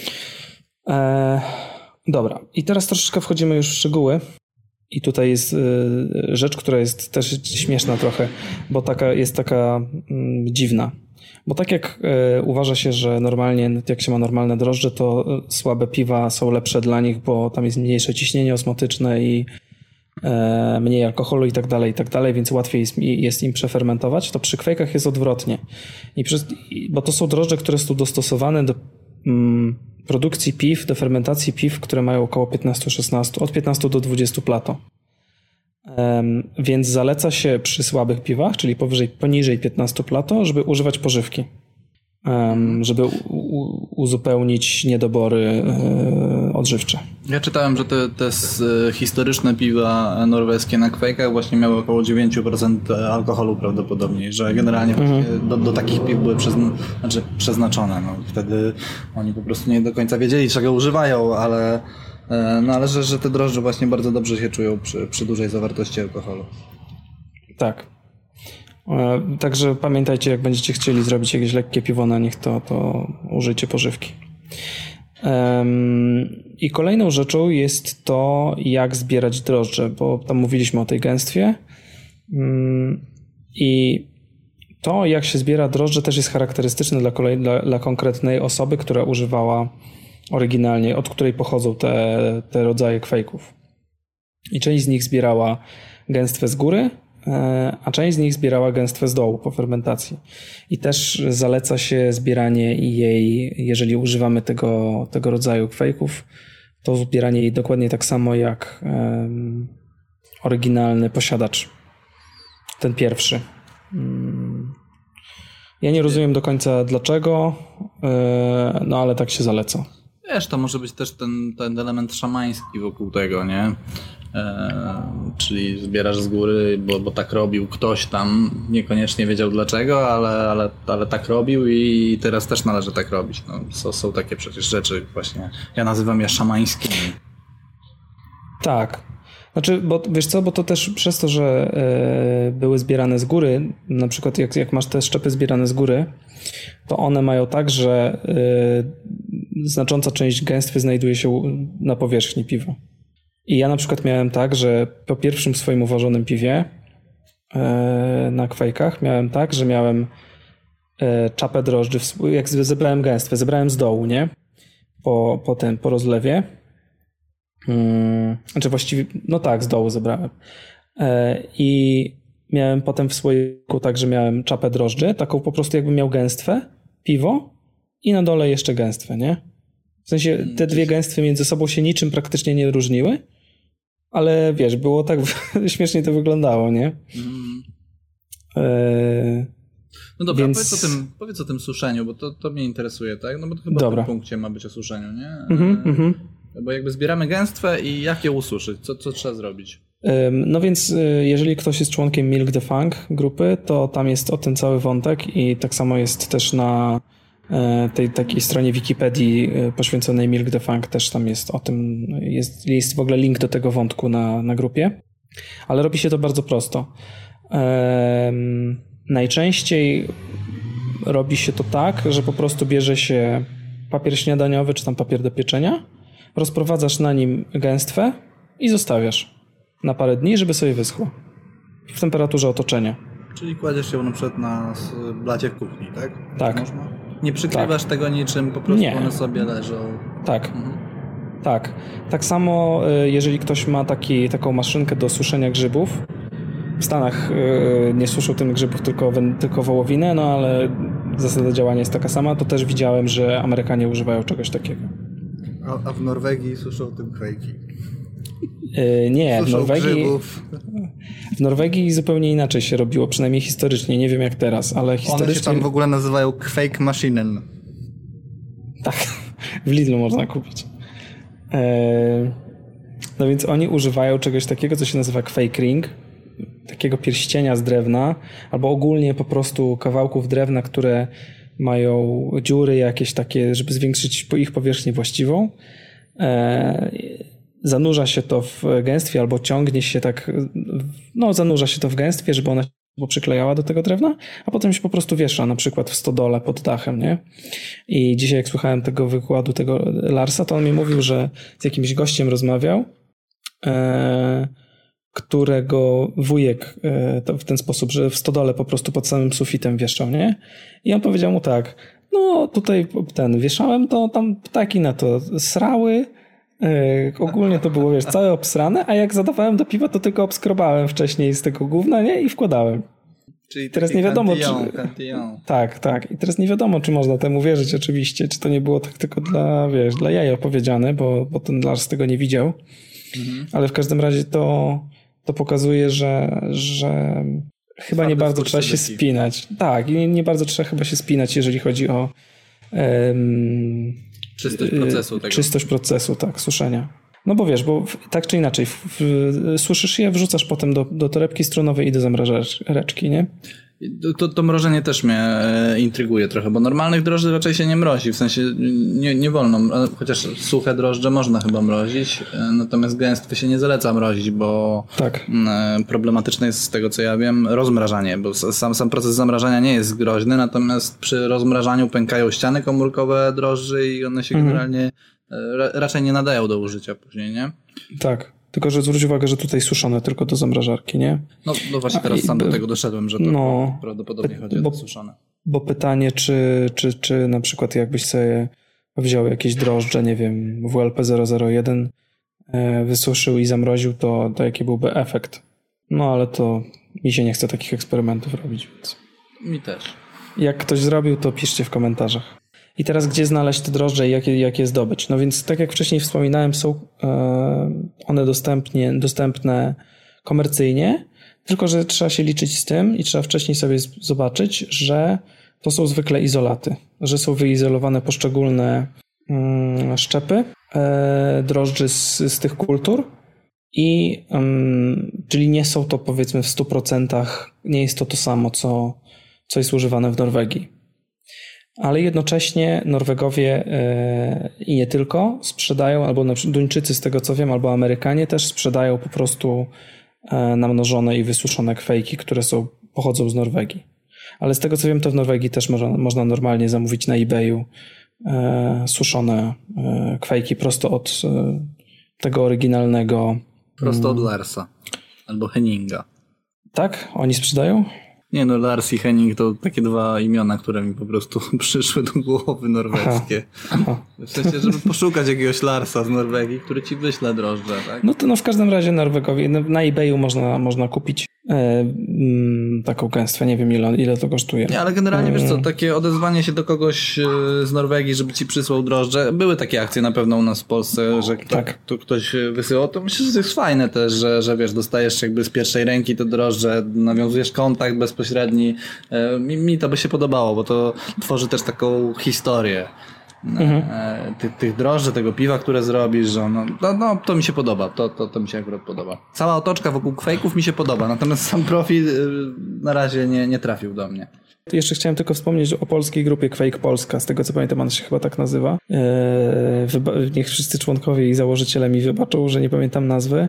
Ale tam też wymieniamy się, znaczy ja jeszcze nikomu nie dałem, ale dostałem stamtąd e, cztery szczepy suszonych kwejków.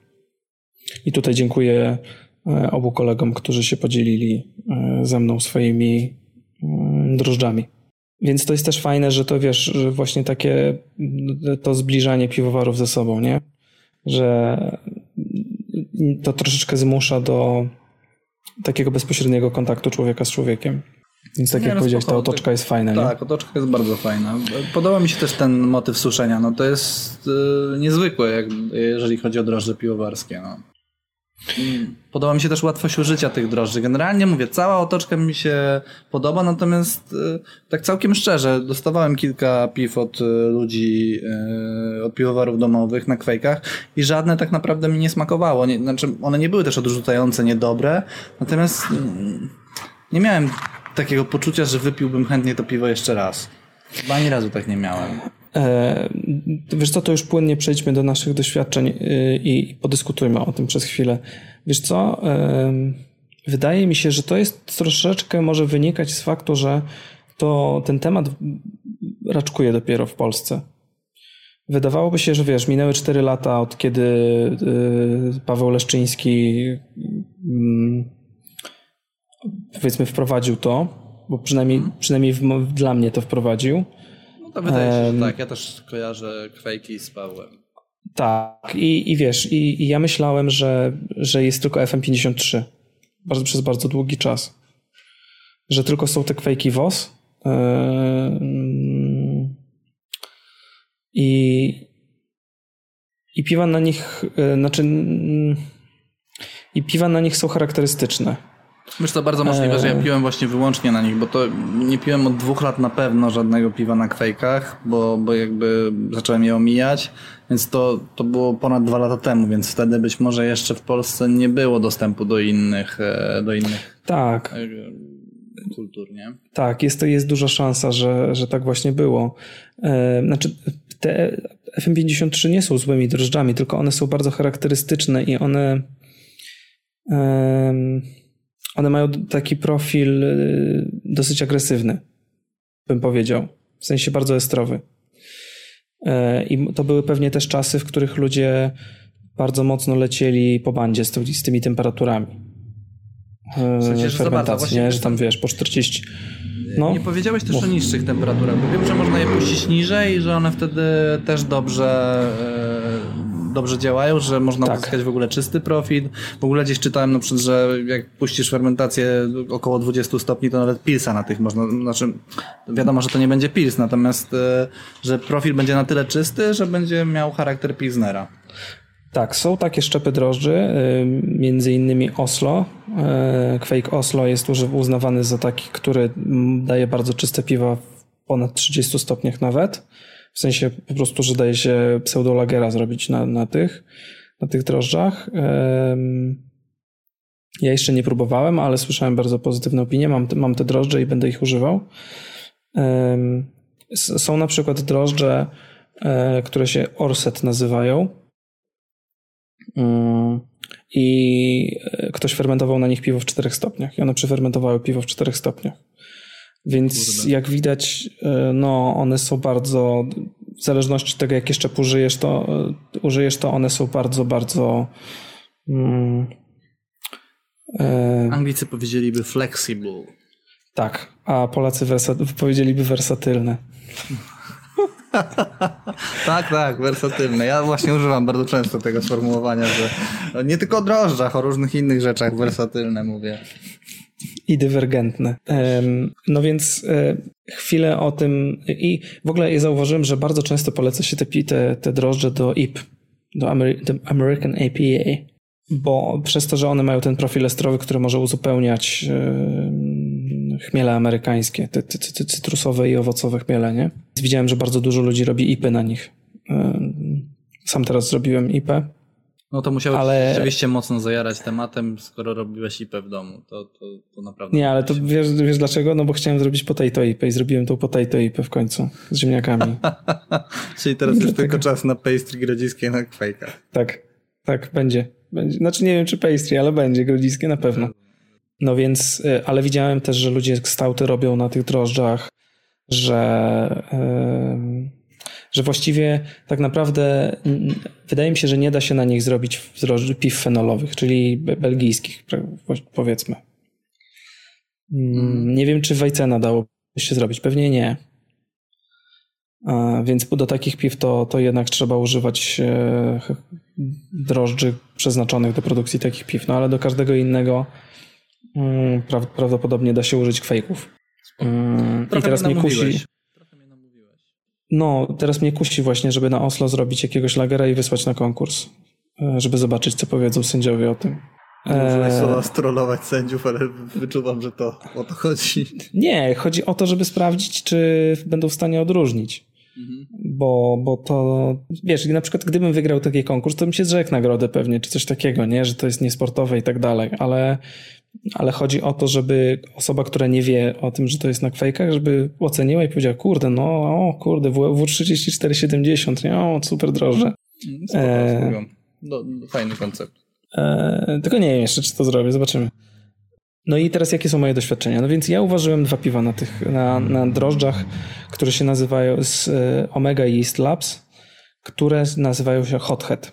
E, to jest OYL057 szczep. I ja dostałem gęstwę od kolegi Mateusza z Polic który, który wysłał mi e, właśnie tą gęstwę i on, i, i on mi wysłał dwie gęstwy, ja jednej, jednej, znaczy wysłał mi suszone i ja, i, ja ich użyłem. Najpierw do takiego pseudokwasa z marakują yy, i pseudokwasa dlatego, że dolewałem kwasu mlekowego przy rozlewie i... Tomek Kopyra nie lubi tego.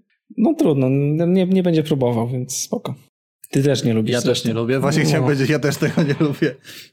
I jestem bardzo zadowolony, w sensie ja podchodziłem do tych drożdży ta, w taki sposób, żeby fermentować, żeby nie musieć się przejmować yy, kontrolą temperatury.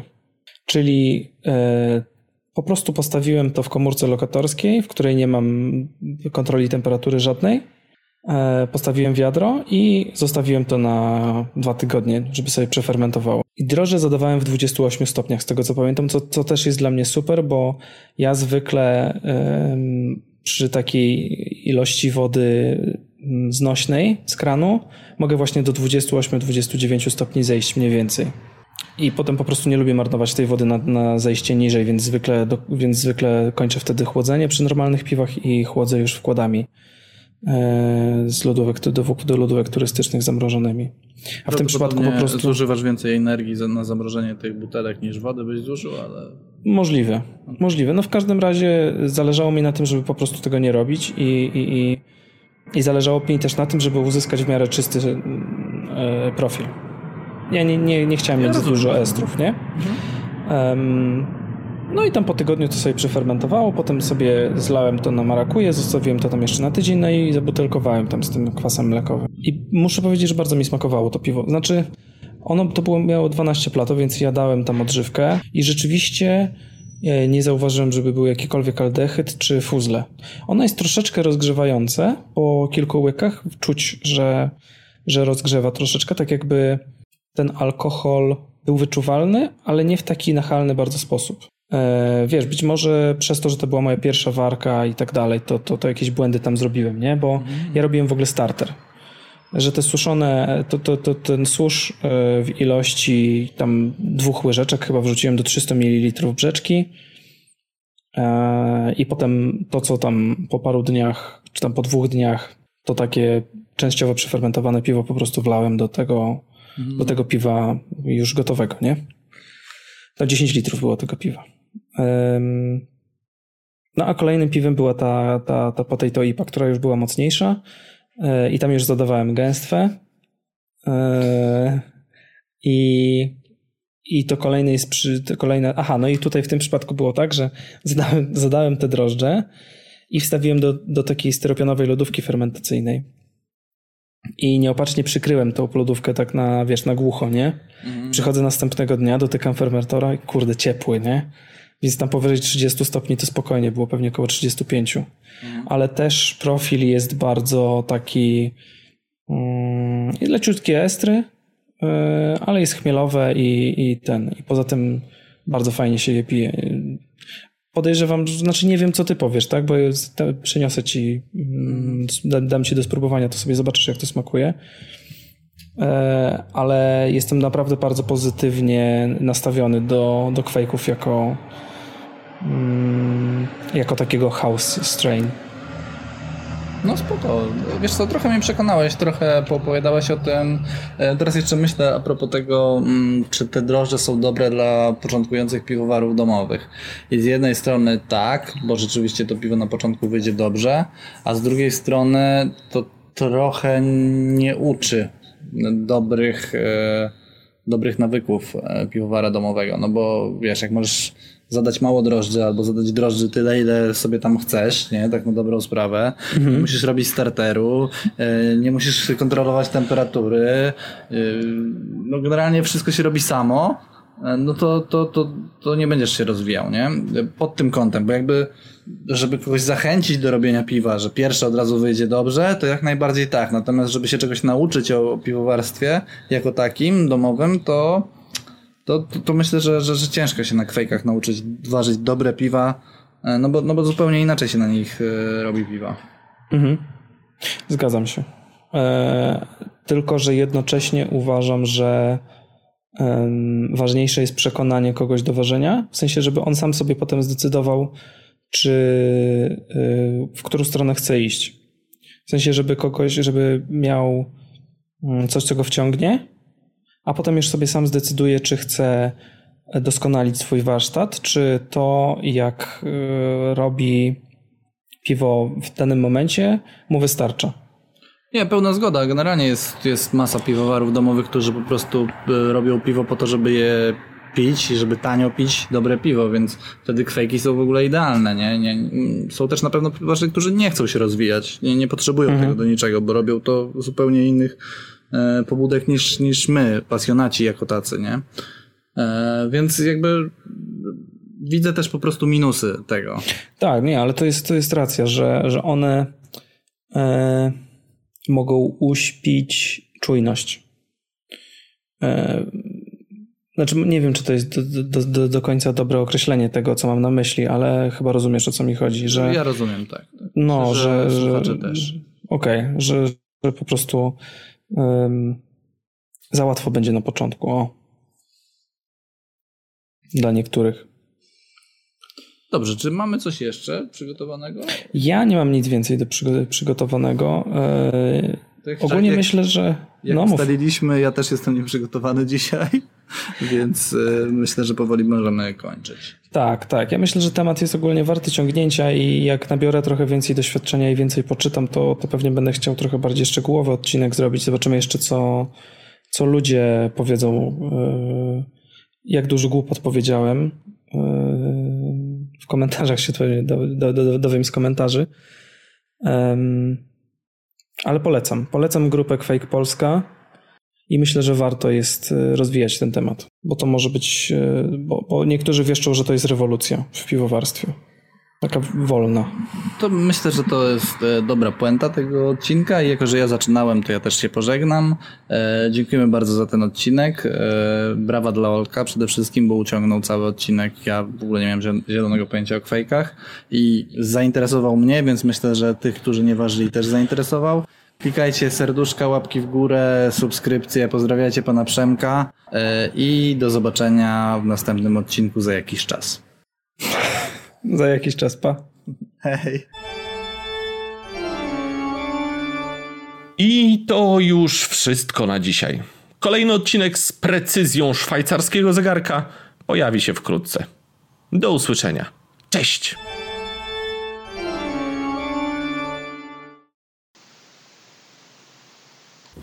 Poczekajcie chwilę, bo muszę włączyć, yy, podłączyć komputer, bo mi zaraz padnie. Piekarnik. Co to? Kosiarka? Nie, u mnie się z, podłączyła bateria i zaczęła wirówka.